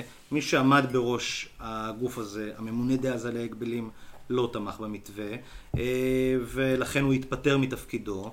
ובדיעבד אני חושב שהאמת ההיסטורית אה, מוכיחה שהוא לא צדק, לדעתי לפחות. אוקיי, אז אני, אני לא רוצה שזה יהיה על דיוויד גילו, אני רק רציתי להגיד, נתת אפקטים של, אפקטים מצננים של כל התהליך הזה, אני רק חושב שיש עוד אפקט מאוד משמעותי, שהוא מראה כמה כוח יש לאנשים שאף אחד מאיתנו לא מינה אותם, ואף אחד מאיתנו לא יכול להיפטר מהם גם. אה, אז... תראה, אני, אני אגיד לך משהו. אני, אה, אם אתה שואל אותי רגע עכשיו בתור אה, נדב, אני מאוד מכבד, מאוד מכבד את התפקיד של פקידות ושל אדמיניסטרציה. ואני חושב שהיא לא צריכה להיות אסקופה נדרסת בפני פוליטיקאים, נהפוך הוא. אבל אני חושב שהאירוע של אה, מתווה הגז הוא אירוע ששווה ללמוד אותו אפילו ברמה האקדמית.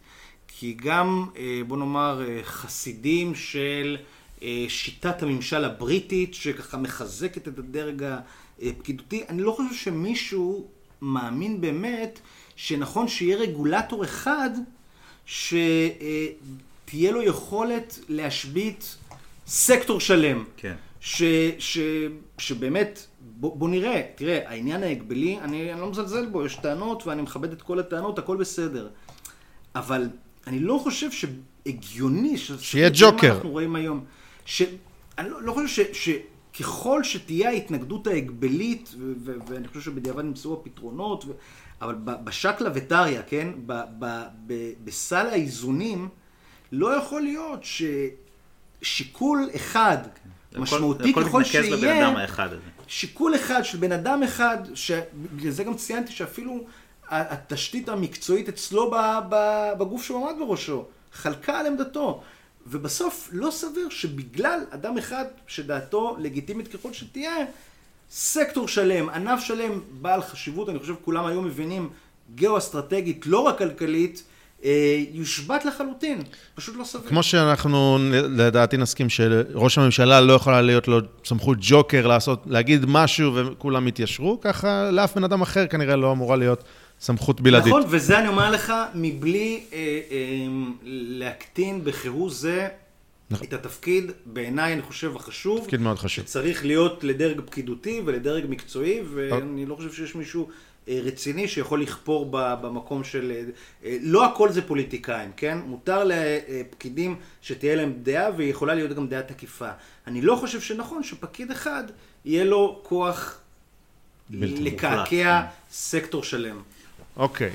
אז עכשיו הזכרת כמה פעמים את השם המפורש, אז בואו נדבר עליו, מתווה הגז. מה זה מתווה הגז? ותוכל גם, אני רוצה לדבר על דרך החתחתים שהביאה לאישורו ויישומו. אוקיי. אז מתווה הגז זה בעצם מהלך ממשלתי שנולד מתוך משבר, ו... ולך תדע אם אלמלא המשבר הזה היה נוצר הטריגר שלמעשה כינס, כמו שאמרנו, את כל אותם רגולטורים כדי לייצר מדיניות מעוגמת אה, אה, ואחידה שתחלץ את אה, סקטור הגז הטבעי מהקיפאון שבו הוא היה. ולמעשה המתווה הוא תוכנית אב מפורטת ומאוד, בוא נאמר, הטרוגנית מבחינת הסגמנטים שהיא כוללת. שנוגעת בעצם למשטר הרגולציה בישראל ביחס לעתיד ענף אה, החיפוש וההפקה והשיווק של גז טבעי. אה, כי, כי באמת היא, היא נוגעת להיבטים של מיסוי ושל ייצוא ושל מחירים ושל מבנים ושל אה, אה, חישובי כמויות ובאמת אה, אה, אה, משהו מאוד משמעותי. אה, ו, ובסוף היו שתי מטרות יסוד שהן הן התכלית של כל האירוע הזה שנקרא מתווה הגז. אחד, יתירות, והשני, תחרות. עכשיו, בוא נאמר מה זה יתירות. יתירות בעצם אומר שמדינה אחת שלמה לא יכולה להשעין את כל משק הגז הטבעי שלה על מאגר בודד אחד ועל תשתית אחת. זאת אומרת, זה טוב מאוד שיש את תמר, זה מצוין. תמר מפיק גז טבעי ממרץ 2013, מתווה הגז אה, אה, בעצם אמרנו זה אירוע של 2015, בואכה 2016, אז אתה יכול לומר, ובאמת יש אנשים שאומרים את זה, אה, מה, הם לא הוציאו את הגז מהאדמה, היה כבר גז. אבל היה גז ממקור אחד, עם תשתית אחת, ואז באו אנשים ואמרו, אז למה אתם נותנים להם מתווה? שיעשו בסך הכל עוד צינור מתמר. שיקחו את האסדה, יוציאו ממנה צינור, והנה יש שני צינורות. אבל אז מה קורה אם חלילה יש תקלה באסדה? האסדה היא בית החרושת של הגז, והצינורות זה צי המשאיות ששולח את המוצר לסחורה. אז מה זה משנה אם יש מיליון משאיות כשבית החרושת ניזוק, אוקיי? בסוף אתה חייב יתירות, ומדינה שרוצה להיגמל מפחם, ורוצה להיגמל מסולר בתחבורה, ורוצה לעודד עוד ועוד ועוד שימושים בגז טבעי, לא יכולה להישען על מקור אחד. להלן יתירות. איפה אנחנו נמצאים fast forward חמש שנים קדימה? אין לך רק תמר, יש לך תמר ולוויתן, ובשנה הבאה יהיה לך את כריש תנין, ובמקום צינור אחד שמתחבר לחוף עם גז טבעי, יהיו לך שלושה צינורות שמתחברים לחוף עם גז טבעי, כך שאם חלילה יש תקלה באחד, או אחד נופל, או יש איזושהי בעיה בביצועים, יש רשת ביטחון שיכולה לגבות את המשק, ולכן אפשר בעצם ללכת קדימה עם המהלך של הטמעת שימושים בגז טבעי והסבה של אה, אה, סגמנטים לגז טבעי במקום דלקים יותר מזהמים. אז זה העולם של היתירות. והעולם השני זה העולם של התחרות. כי בעצם אמרה המדינה, במידה מסוימת של צדק מבחינתה, גם אם יהיו לי שלושה מאגרים וכולם יישלטו על ידי אותו קונסורציום, אה, זה, זה, זה לא תוצאה רצויה. אני רוצה לעודד כאן מה שיותר ביזור. עכשיו, צריך להבין, תחרות או, או ביזור או, או השתתפות של שחקנים במשק כמו משק הגז הטבעי, זה לא לייצר תחרות בשוק גרבי הספורט, אוקיי? או בשוק המסעדות. בסוף יש רף כניסה גבוה, יש מלכתחילה מעט שחקנים שיש להם את, ה... את היכולת בכלל. היכולות, גם, גם המקצועיות וגם הכלכליות, להיות חלק מתעשייה כל כך אה, אה, אה, אה, משמעותית, והרצון של המדינה הייתה בכל אופן לייצר כאן שלושה מוקדי בעלות. ומה שאנחנו רואים היום זה עולם שבו היתירות כבר נגענו בה, היא, היא כמות הגז שעומד לרשות המדינה אה, אה, הוכפלה לפני חודשיים כשהחלה הפקת הגז מלוויתן. בשנה הבאה אה, יצטרף גם הגז מכריש תנין, וזה גם תחרות, כי אחת מהטענות שמושמעות כלפינו למשל היא איך זה שאתם מוכרים ב-4.70 וכריש תנין מוכרים ב-4? על הכיפאק. למי הם מוכרים ב-4? ללקוחות שראו שיש להם מחיר שבעיניהם היה מחיר יותר משתלם, ולכן הם העדיפו במקום אותי, אותו. איך קוראים לתופעה שבה לקוח יכול לעבור משחקן א' לשחקן ב' מכיוון שהוא מקבל הצעה יותר אטרקטיבית? זה תחרות. וזה מה שקורה היום. עכשיו אנחנו עדיין לא יצאנו בכלל מתמר, אוקיי? אנחנו נצא בשנה הבאה מתמר על פי המתווה, נובל ירדה מ-36% ל-25% בהתאם למתווה, וכבר עכשיו אתה מתחיל לראות איך נוצרת תחרות בין תמר לבין לוויתן, והדברים האלה קורים, אתה יודע, אנחנו חיים אותם ברמה היומיומית, ולכן כשאתה חוזר למתווה, אתה חייב לקיים את הדיון בעיניי, אם אתה רוצה להיות נאמן לעובדות ולמציאות, אתה חייב לקיים אותו בפרספקטיבה או דרך הפריזמה של המטרות שאותן הוא התיימר לקדם.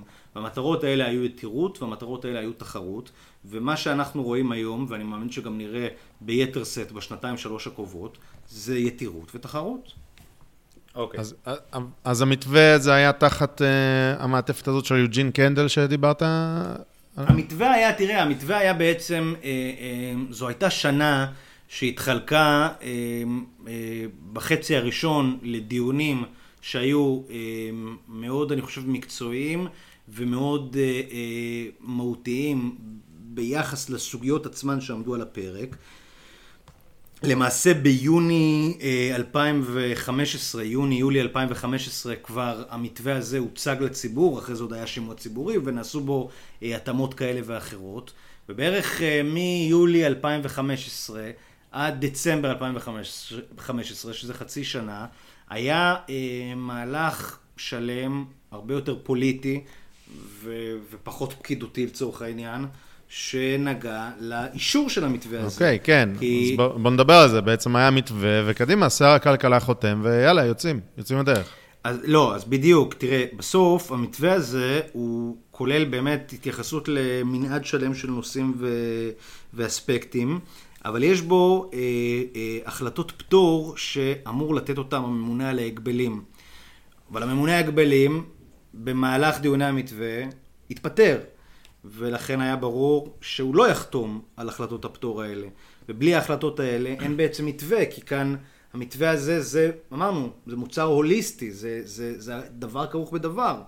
עכשיו, אין ממונה על ההגבלים, אבל יש חוק הגבלים, וחוק ההגבלים בסעיף 52 קובע מפורשות שרשאי השר, שר הממונה, אה, אה, אה, להעניק פטורים רלוונטיים, אם מצא שיש לפטור שאותו הוא מעניק משמעות במה שנוגע ליחסי החוץ של מדינת ישראל או לביטחון של מדינת ישראל, ואת זה הוא יכול לעשות אחרי שהוא נועץ בוועדת הכלכלה של הכנסת. בעצם שיקולים שהם מעבר להגבלים העסקיים. אני בדיוק, שר, בדיוק. אני נבחר ציבור, אני יכול לעקוף אם אני יודע להצדיק את זה. נכון. סעיף 52, טוב. הנה אני חותם.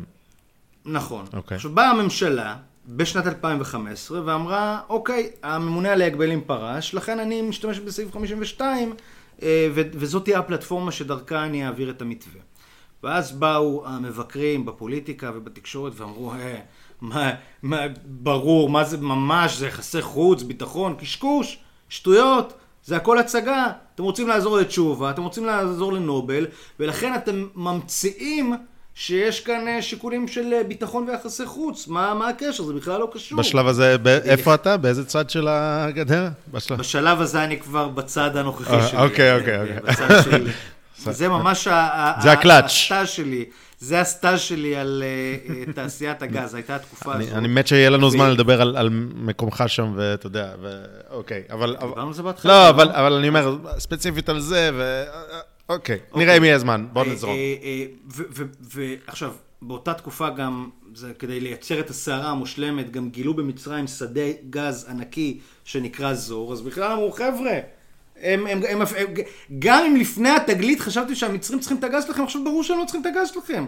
אז אתם מדברים על שיקולים מדיניים? זה, זה קשקוש. עכשיו, הנושא הזה עלה לבג"ץ. מכיוון שהיה דיון מאוד מעמיק בבג"ץ בנוגע למספר עתירות שעסקו בזוויות שונות של מתווה הגז, ואחת הזוויות שנתקפו בצורה הכי משמעותית הייתה השימוש בסעיף 52. ובאה המדינה ואמרה שני דברים. מבחינת יחסי החוץ, אני חושבת כמדינה שצריך לקדם את המתווה ולהשתמש בסעיף 52 מכיוון שיש אפשרות להסכם עם מצרים ויש אפשרות להסכם עם ירדן ואולי יש אפשרות להסכם עם טורקיה, זה מה שאמרו אז. לימים אנחנו יודעים ששתיים מתוך שלוש באמת קרו, ואנחנו מייצאים לירדן ואנחנו מייצאים למצרים. יש גם את הברית המזרח ים תיכונית, או איך שלא קוראים לה, כן, יוון, קפריסין, איטליה. זה נכון, של האיסט-מד, ויש את האיסט-מד גז פורום שקוראים מצרים. בוא, אני אומר לך, אני, אני חשוף להתנהלות שאני לא בטוח שכולם מכירים אותה, אבל יש פורום, כמו שאתה מציין אותו, של שר האנרגיה המצרי, שר האנרגיה הישראלי, השרה הירדנית, השר הפלסטיני, היווני, הקפריסאי, והם נפגשים אחת לפרק זמן. כמה דוגמאות לשיתופי פעולה, פעולה כאלה אנחנו נתקלים בהם באזור שלנו? כמה נפוץ הדבר הזה, כן? אז זה אמרו שאין לזה שום משמעות מדינית, כן? אחר כך אמרו גם אין לזה משמעות ביטחונית. מה הקשר לביטחון? באה המדינה ואמרה, סליחה, אני כמשק רואה מונח שנקרא ביטחון אנרגטי. אני לא יכולה שאסדה שנמצאת כמתחווי רקטות לא הכי מתקדמות של החמאס ברצועת עזה, היא תהיה מקור הגז הטבעי היחיד. זה א' ב' של ביטחון אנרגטי. מכיוון שבצוק איתן הבא, אני לא מדבר איתך על גוג ומגוג, חיזבאללה, איראן, משלמים, אני מדבר איתך על חמאס, מה שאנחנו מכירים. בצורה כזאת או אחרת, עלולים חס ושלום, חס וחלילה, לפגוע באסדת תמר, וברגע שזה מקום, מקור הגז היחיד שיש לך, הלכה אסדה, המשק נכנס, המדינה נכנסת להרעתה, לפחות באופן חלקי. מה, אין ערך ביטחוני ליתירות אנרגטית, לביטחון אנרגטי? הלכו לבג"ץ, רגע, לפני, בג... לפני בג"ץ, אתה עשית את זה אפילו יותר פשוט ממה שזה היה, כי לפני בג"ץ היה שר שלא הסכים לחתום על סעיף 52. שמע, אז אה, נכון, נכון, וזה... בגלל הלחץ הציבורי. זה מה שאמרתי נכון, בהתחלה, זה עולה, פוליטיקה זה עולה בדיוק כחוט השני. כן, פוליטיקה היא במורד הזרם מהתרבות. היה לחץ ציבורי והיה שר, אה, אריה נכון, דרעי, שהיה נכון, שר הכלכלה. ו- ו- והשר, השר שהיה שר הכלכלה, באמת אריה דרעי, אה, למעשה סירב לחתום על אותו סעיף שנקרא סעיף 52, אז באו ובעצם אמרו, בואו נייצר כאן עוד ועוד, אה, אה, בוא נאמר, אה, תשתית של אה, אה, אה, תמיכה שלטונית בתוך הדבר הזה. בואו בוא נהפוך את תהליך האישור של המתווה למשהו הרבה יותר משמעותי מרק החלטת קבינט. אז כינסו את הממשלה, כינסו את הכנסת, את מליאת הכנסת. מתי מליאת הכנסת נדרשה לקבל החלטות שהן לא חוק? בהסכם שלום עם מצרים, בהסכם אוסלו, בהתנתקות. לא הייתה עוד החלטה כלכלית שהביאו אותה באופן וולונטרי לאישור במליאת הכנסת. וזה עבר במליאת הכנסת, ולמרות שזה עבר במליאת הכנסת, אריה דרעי עדיין סירב אה, אה, לחתום. היה איזשהו הסבר או שרק רעדה היד? תשמע, אני, אני חושב שההסבר הזה היה ברור לכל מי שעקב אחרי הלחץ שהופעל ואחרי המעורבות המאוד אה, אה, מורגשת ודומיננטית של גופי תקשורת ו, ופוליטיקאים, והוא מטעמיו שלו לא רצה להיכנס לתוך הקוראלס הזה, אז אה, הוא אמר, חבר'ה, אני רוצה להיות אה, במקום אחר בממשלה, תפתרו אתם את הדבר הזה, מה אתם רוצים מהחיים שלי? ובאמת אה, אה, הוא פרש ממשרד הכלכלה, נתניהו לפרק זמן מוגבל נכנס במקומו, והוא זה שחתם אה, בסופו של דבר על המתווה, אבל רק אני רוצה להשלים את הנקודה שאמרתי מקודם. השימוש בסעיף 52, אז היום אנחנו כולנו חכמים, אנחנו יודעים שיש לוויתן והוא מייצא לירדן והוא מייצא למצרים ואנחנו רואים את האיסטמד גז פורום ואנחנו אומרים ברור שיש לזה משמעות מדינית, מי לא רואה את המשמעות המדינית של הדבר הזה? אבל גם אז, לפני למעלה מארבע שנים, באו שופטי בג"ץ ואמרו, בצדק הפעילו את הסעיף הזה, בצדק השתמשו בזה. עכשיו, הם עשו את זה בהחלטה שהייתה מאוד לא נוחה לממשלה ולחברות הגז, כי בסוף, אם אתם זוכרים, הם ביטלו שם את פסקת היציבות, שהייתה חלק מהמתווה, ולמעשה החזירו את כולם לעשות uh, back to the, uh, Drawing board. draw board. Uh, uh, בעצם תעשו את כל העבודה שלכם מחדש ביחס ליציבות הרגולטורית. הייתה החלטה שהתקבלה, ב, אני חושב, במידה רבה של אכזבה בממשלה, בחברות, ובתוך ההחלטה הזאת הם אמרו שהשימוש בסעיף 52 היה מוצדק. ואת זה אוקיי, אתה לא. שומע, אתה לא שומע מהמבקרים של המתווה, אה, אתה לא שומע את זה היום, כשאנחנו רואים כמה באמת השימוש בזה היה מוצדק, ואתה לא שמעת את זה גם אז, שלא ראינו עדיין שיש ייצוא של מצ... אה, אה, גז למצרים ולירדן, אבל ראינו, גם ראינו, שבג"ץ נתן את הלגיטימציה לשימוש בסעיף. אוקיי, אז, אז בעצם השר לא הסכים לחתום, קומבינה פוליטית, העבירו את אריה דרעי למשרד הפנים, נתניהו הפך להיות, אה, הפך להיות שר הכלכלה, חתם, אמר, סעיף 52, שם את ה... את החתימה שלו, ואז נכון. הייתה עתירה לבג"ץ על המתווה, ואתה אומר... אז הייתה עתירה ב... לבג"ץ, ואז ב...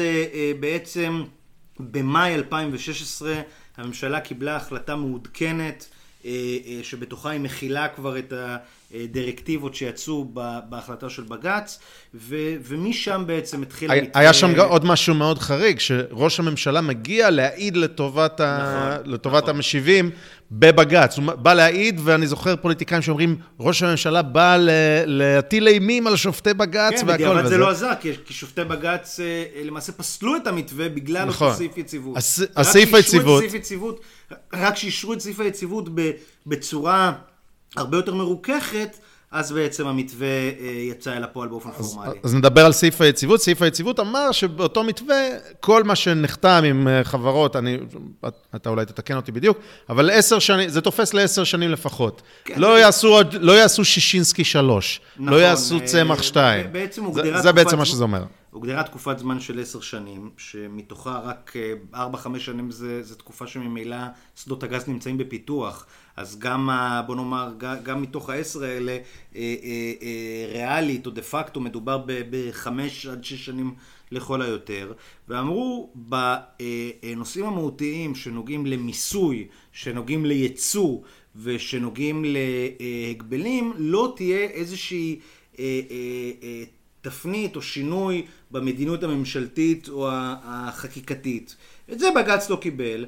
אה, אז אה, במקום הסעיף הזה השתמשו בסעיף שהוא אה, יותר רפה, אבל בסוף, בסוף אני... מה שחשוב זה שהעגלה יצאה לדרך. אני, לדעתי, ההחלטה הזאת של בג"ץ, שמאשר את הכל חוץ מסעיף היציבות, זה בעצם לבוא ולהשתין על, ה, על המתווה כדי לסמן טריטוריה.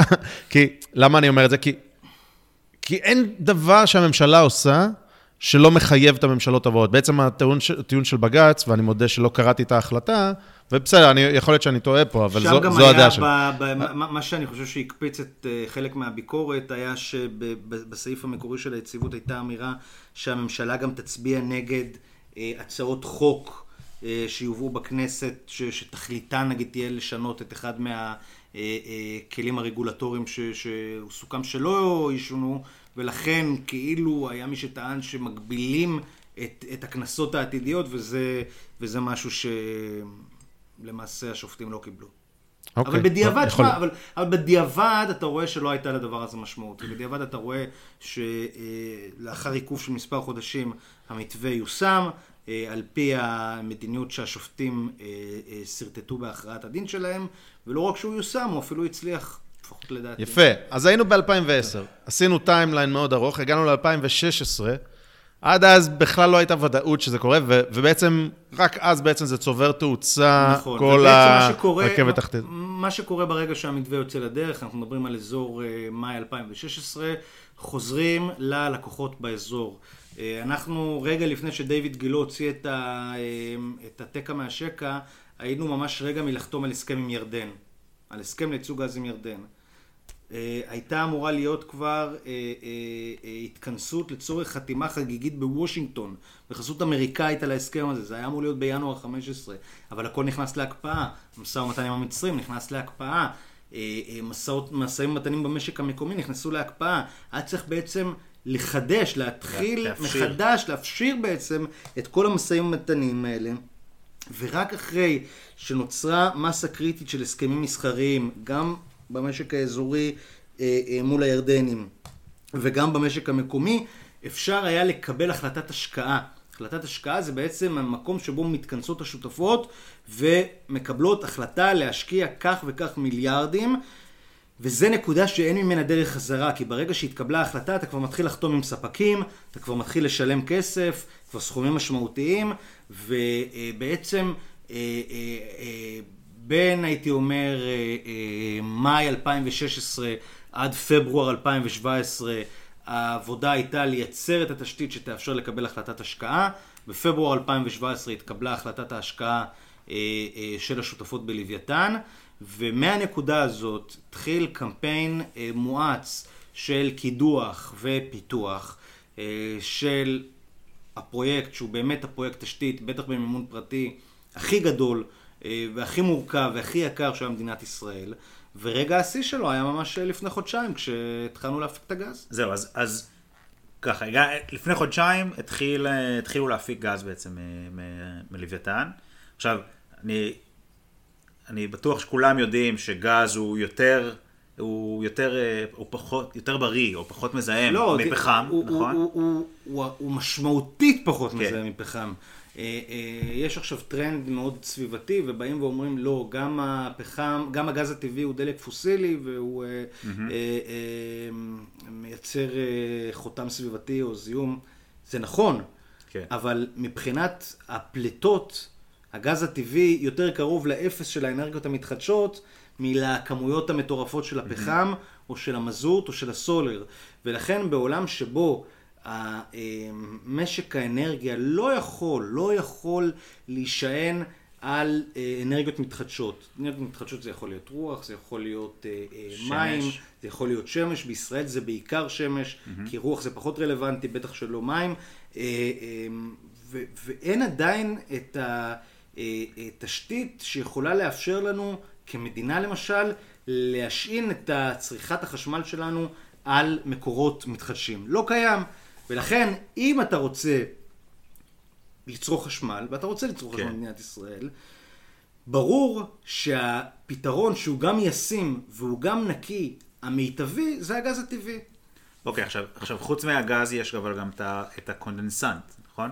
הקונדנסנט, כמו שאמרנו, זה, זה תוצר לוואי שבעצם אתה לא יכול להפיק גז בלי להפיק את הקונדנסנט שעולה איתו יחד מהבאר mm-hmm. שנמצאת במעבה האדמה.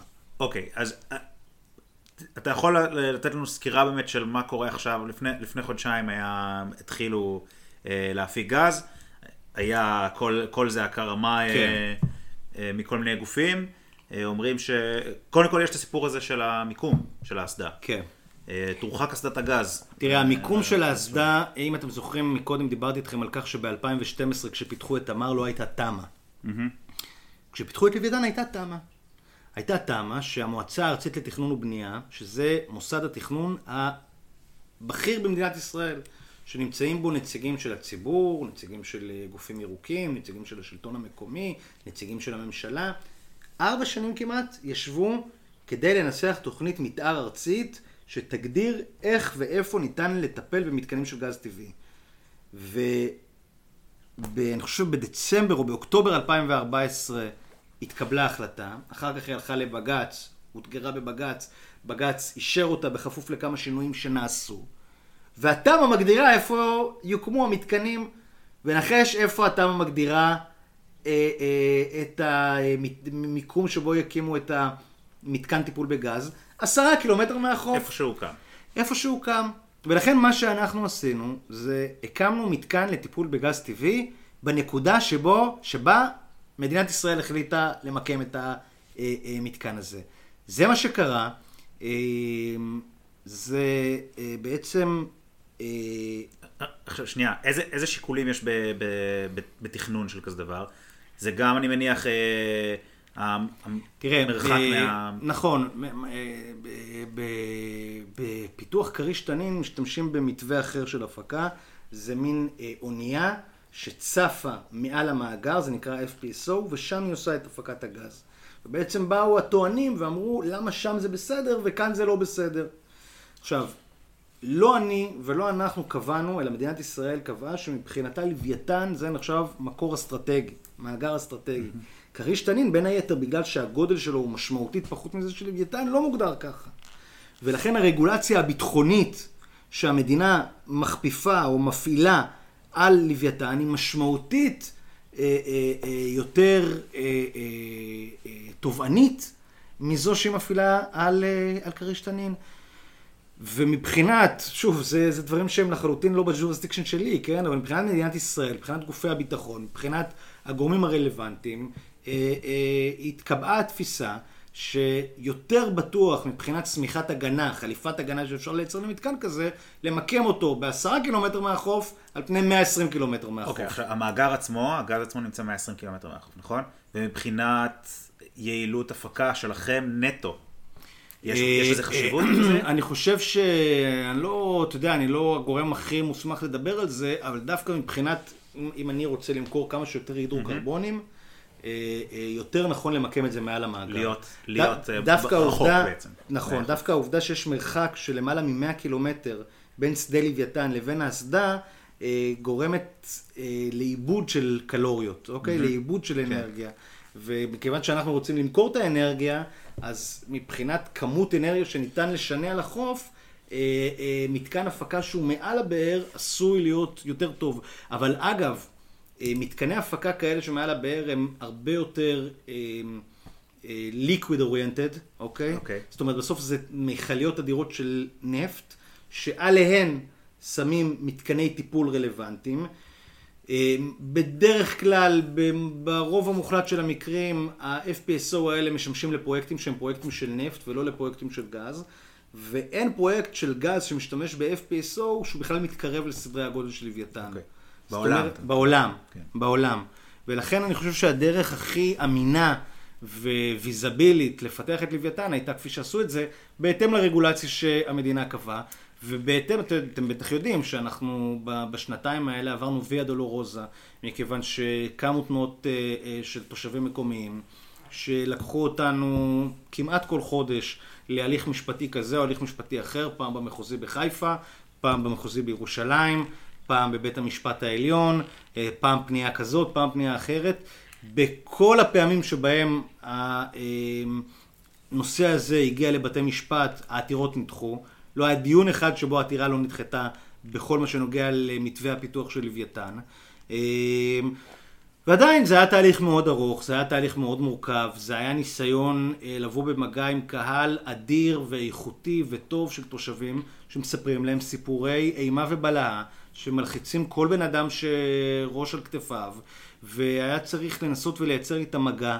שהוא מגיע בתנאים לא פשוטים, כי בכל אופן יש מידה מסוימת של אי אמון ויש מידה של חשדנות, ואני לא יכול לומר שהצלחנו לעשות את זה בצורה מושלמת, כי לא הצלחנו לעשות את זה בצורה מושלמת, כי עובדה שאנשים חששו. עכשיו צריך לומר שכשאנחנו מגיעים לדבר עם אנשים, אז אנחנו מגיעים תמיד מתוך מקום שהוא צבוע, הוא מטעם. Mm-hmm. אז גם הבן אדם שמדבר איתי אומר, כן, אבל אתה אומר את זה כי אתה... מצ...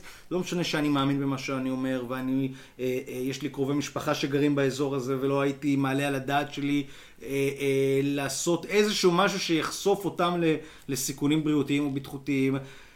בסוף אה, גם הממשלה ניסתה אה, אה, לבוא במגע עם הקהל ולא לגמרי הצליחה להרגיע את החששות וראינו מה קרה ביום שהחלה הפקת הגז מלוויתן אבל אני חושב שבפרספקטיבה של חודשיים כשרואים שנתוני ניטור האוויר מראים שאין השפעה סביבתית על הדבר הזה שנקרא הפקת הגז מלוויתן אה, לאט לאט וזה תהליך שעוד ייקח הרבה זמן אה, מחלחלת ההבנה שהייתה כאן אה, אה, אה, רוב מהומה, אני לא רוצה להגיד הלא מהומה, אבל רוב מהומה מאוד לא מוצדקת.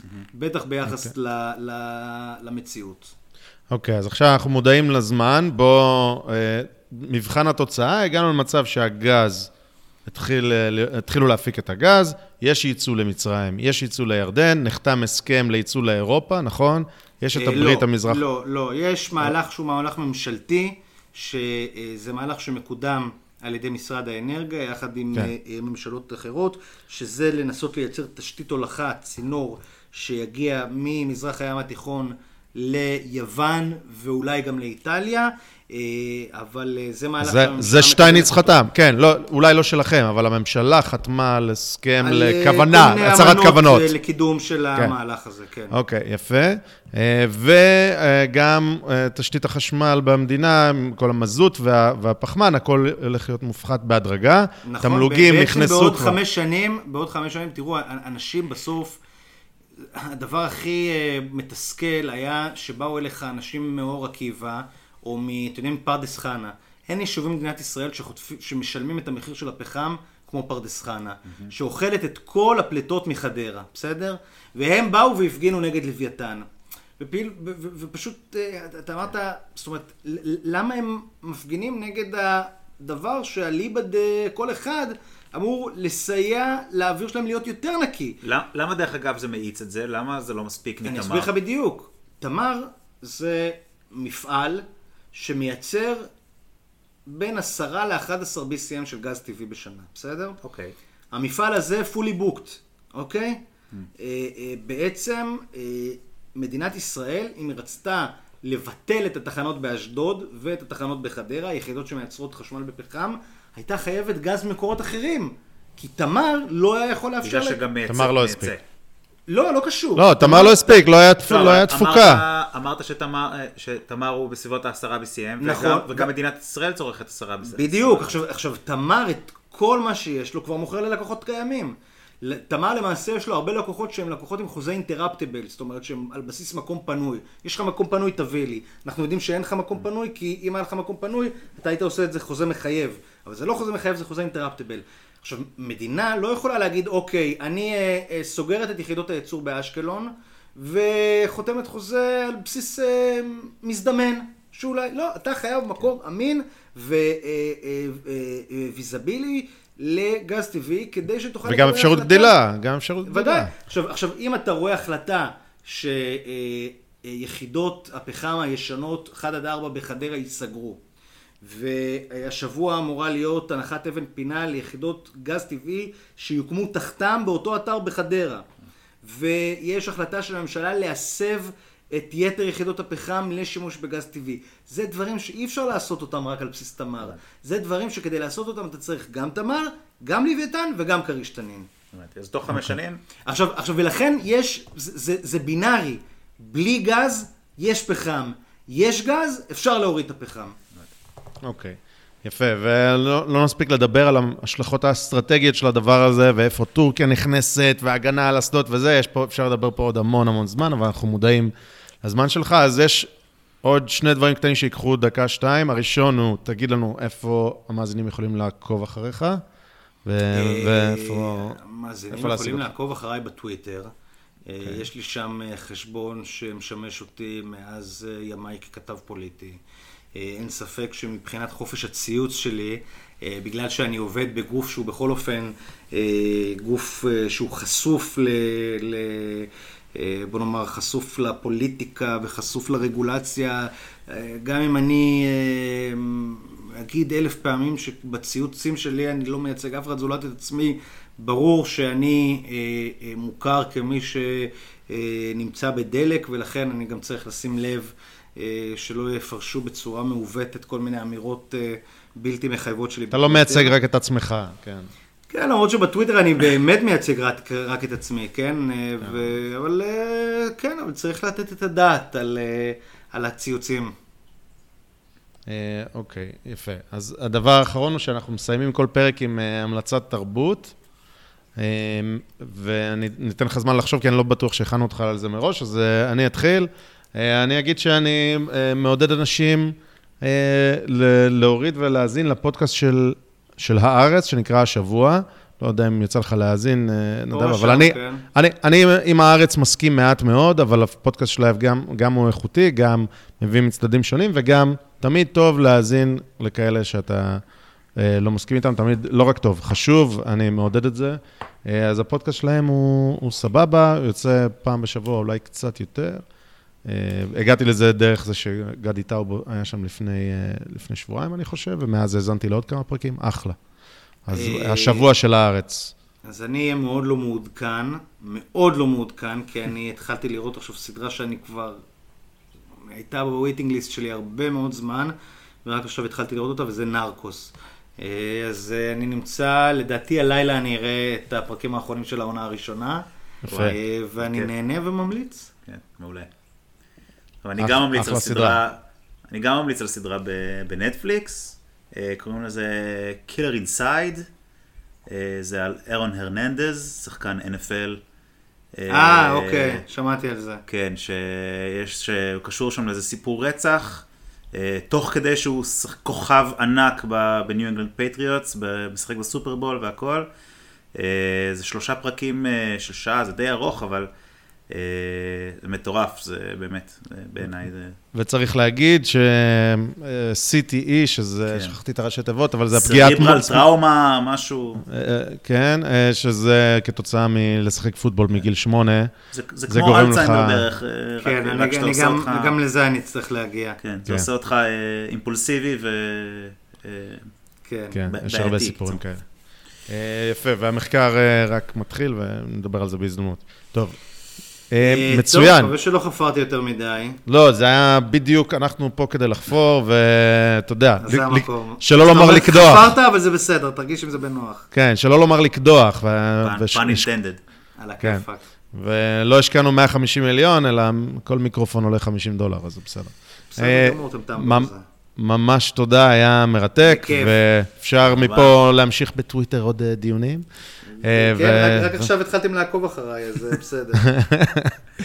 זה- אני מודה באשמה. קיבלנו את הביקורת. חברים, טוב, תודה רבה. תודה רבה, ביי ביי, להתראות. ביי, תודה.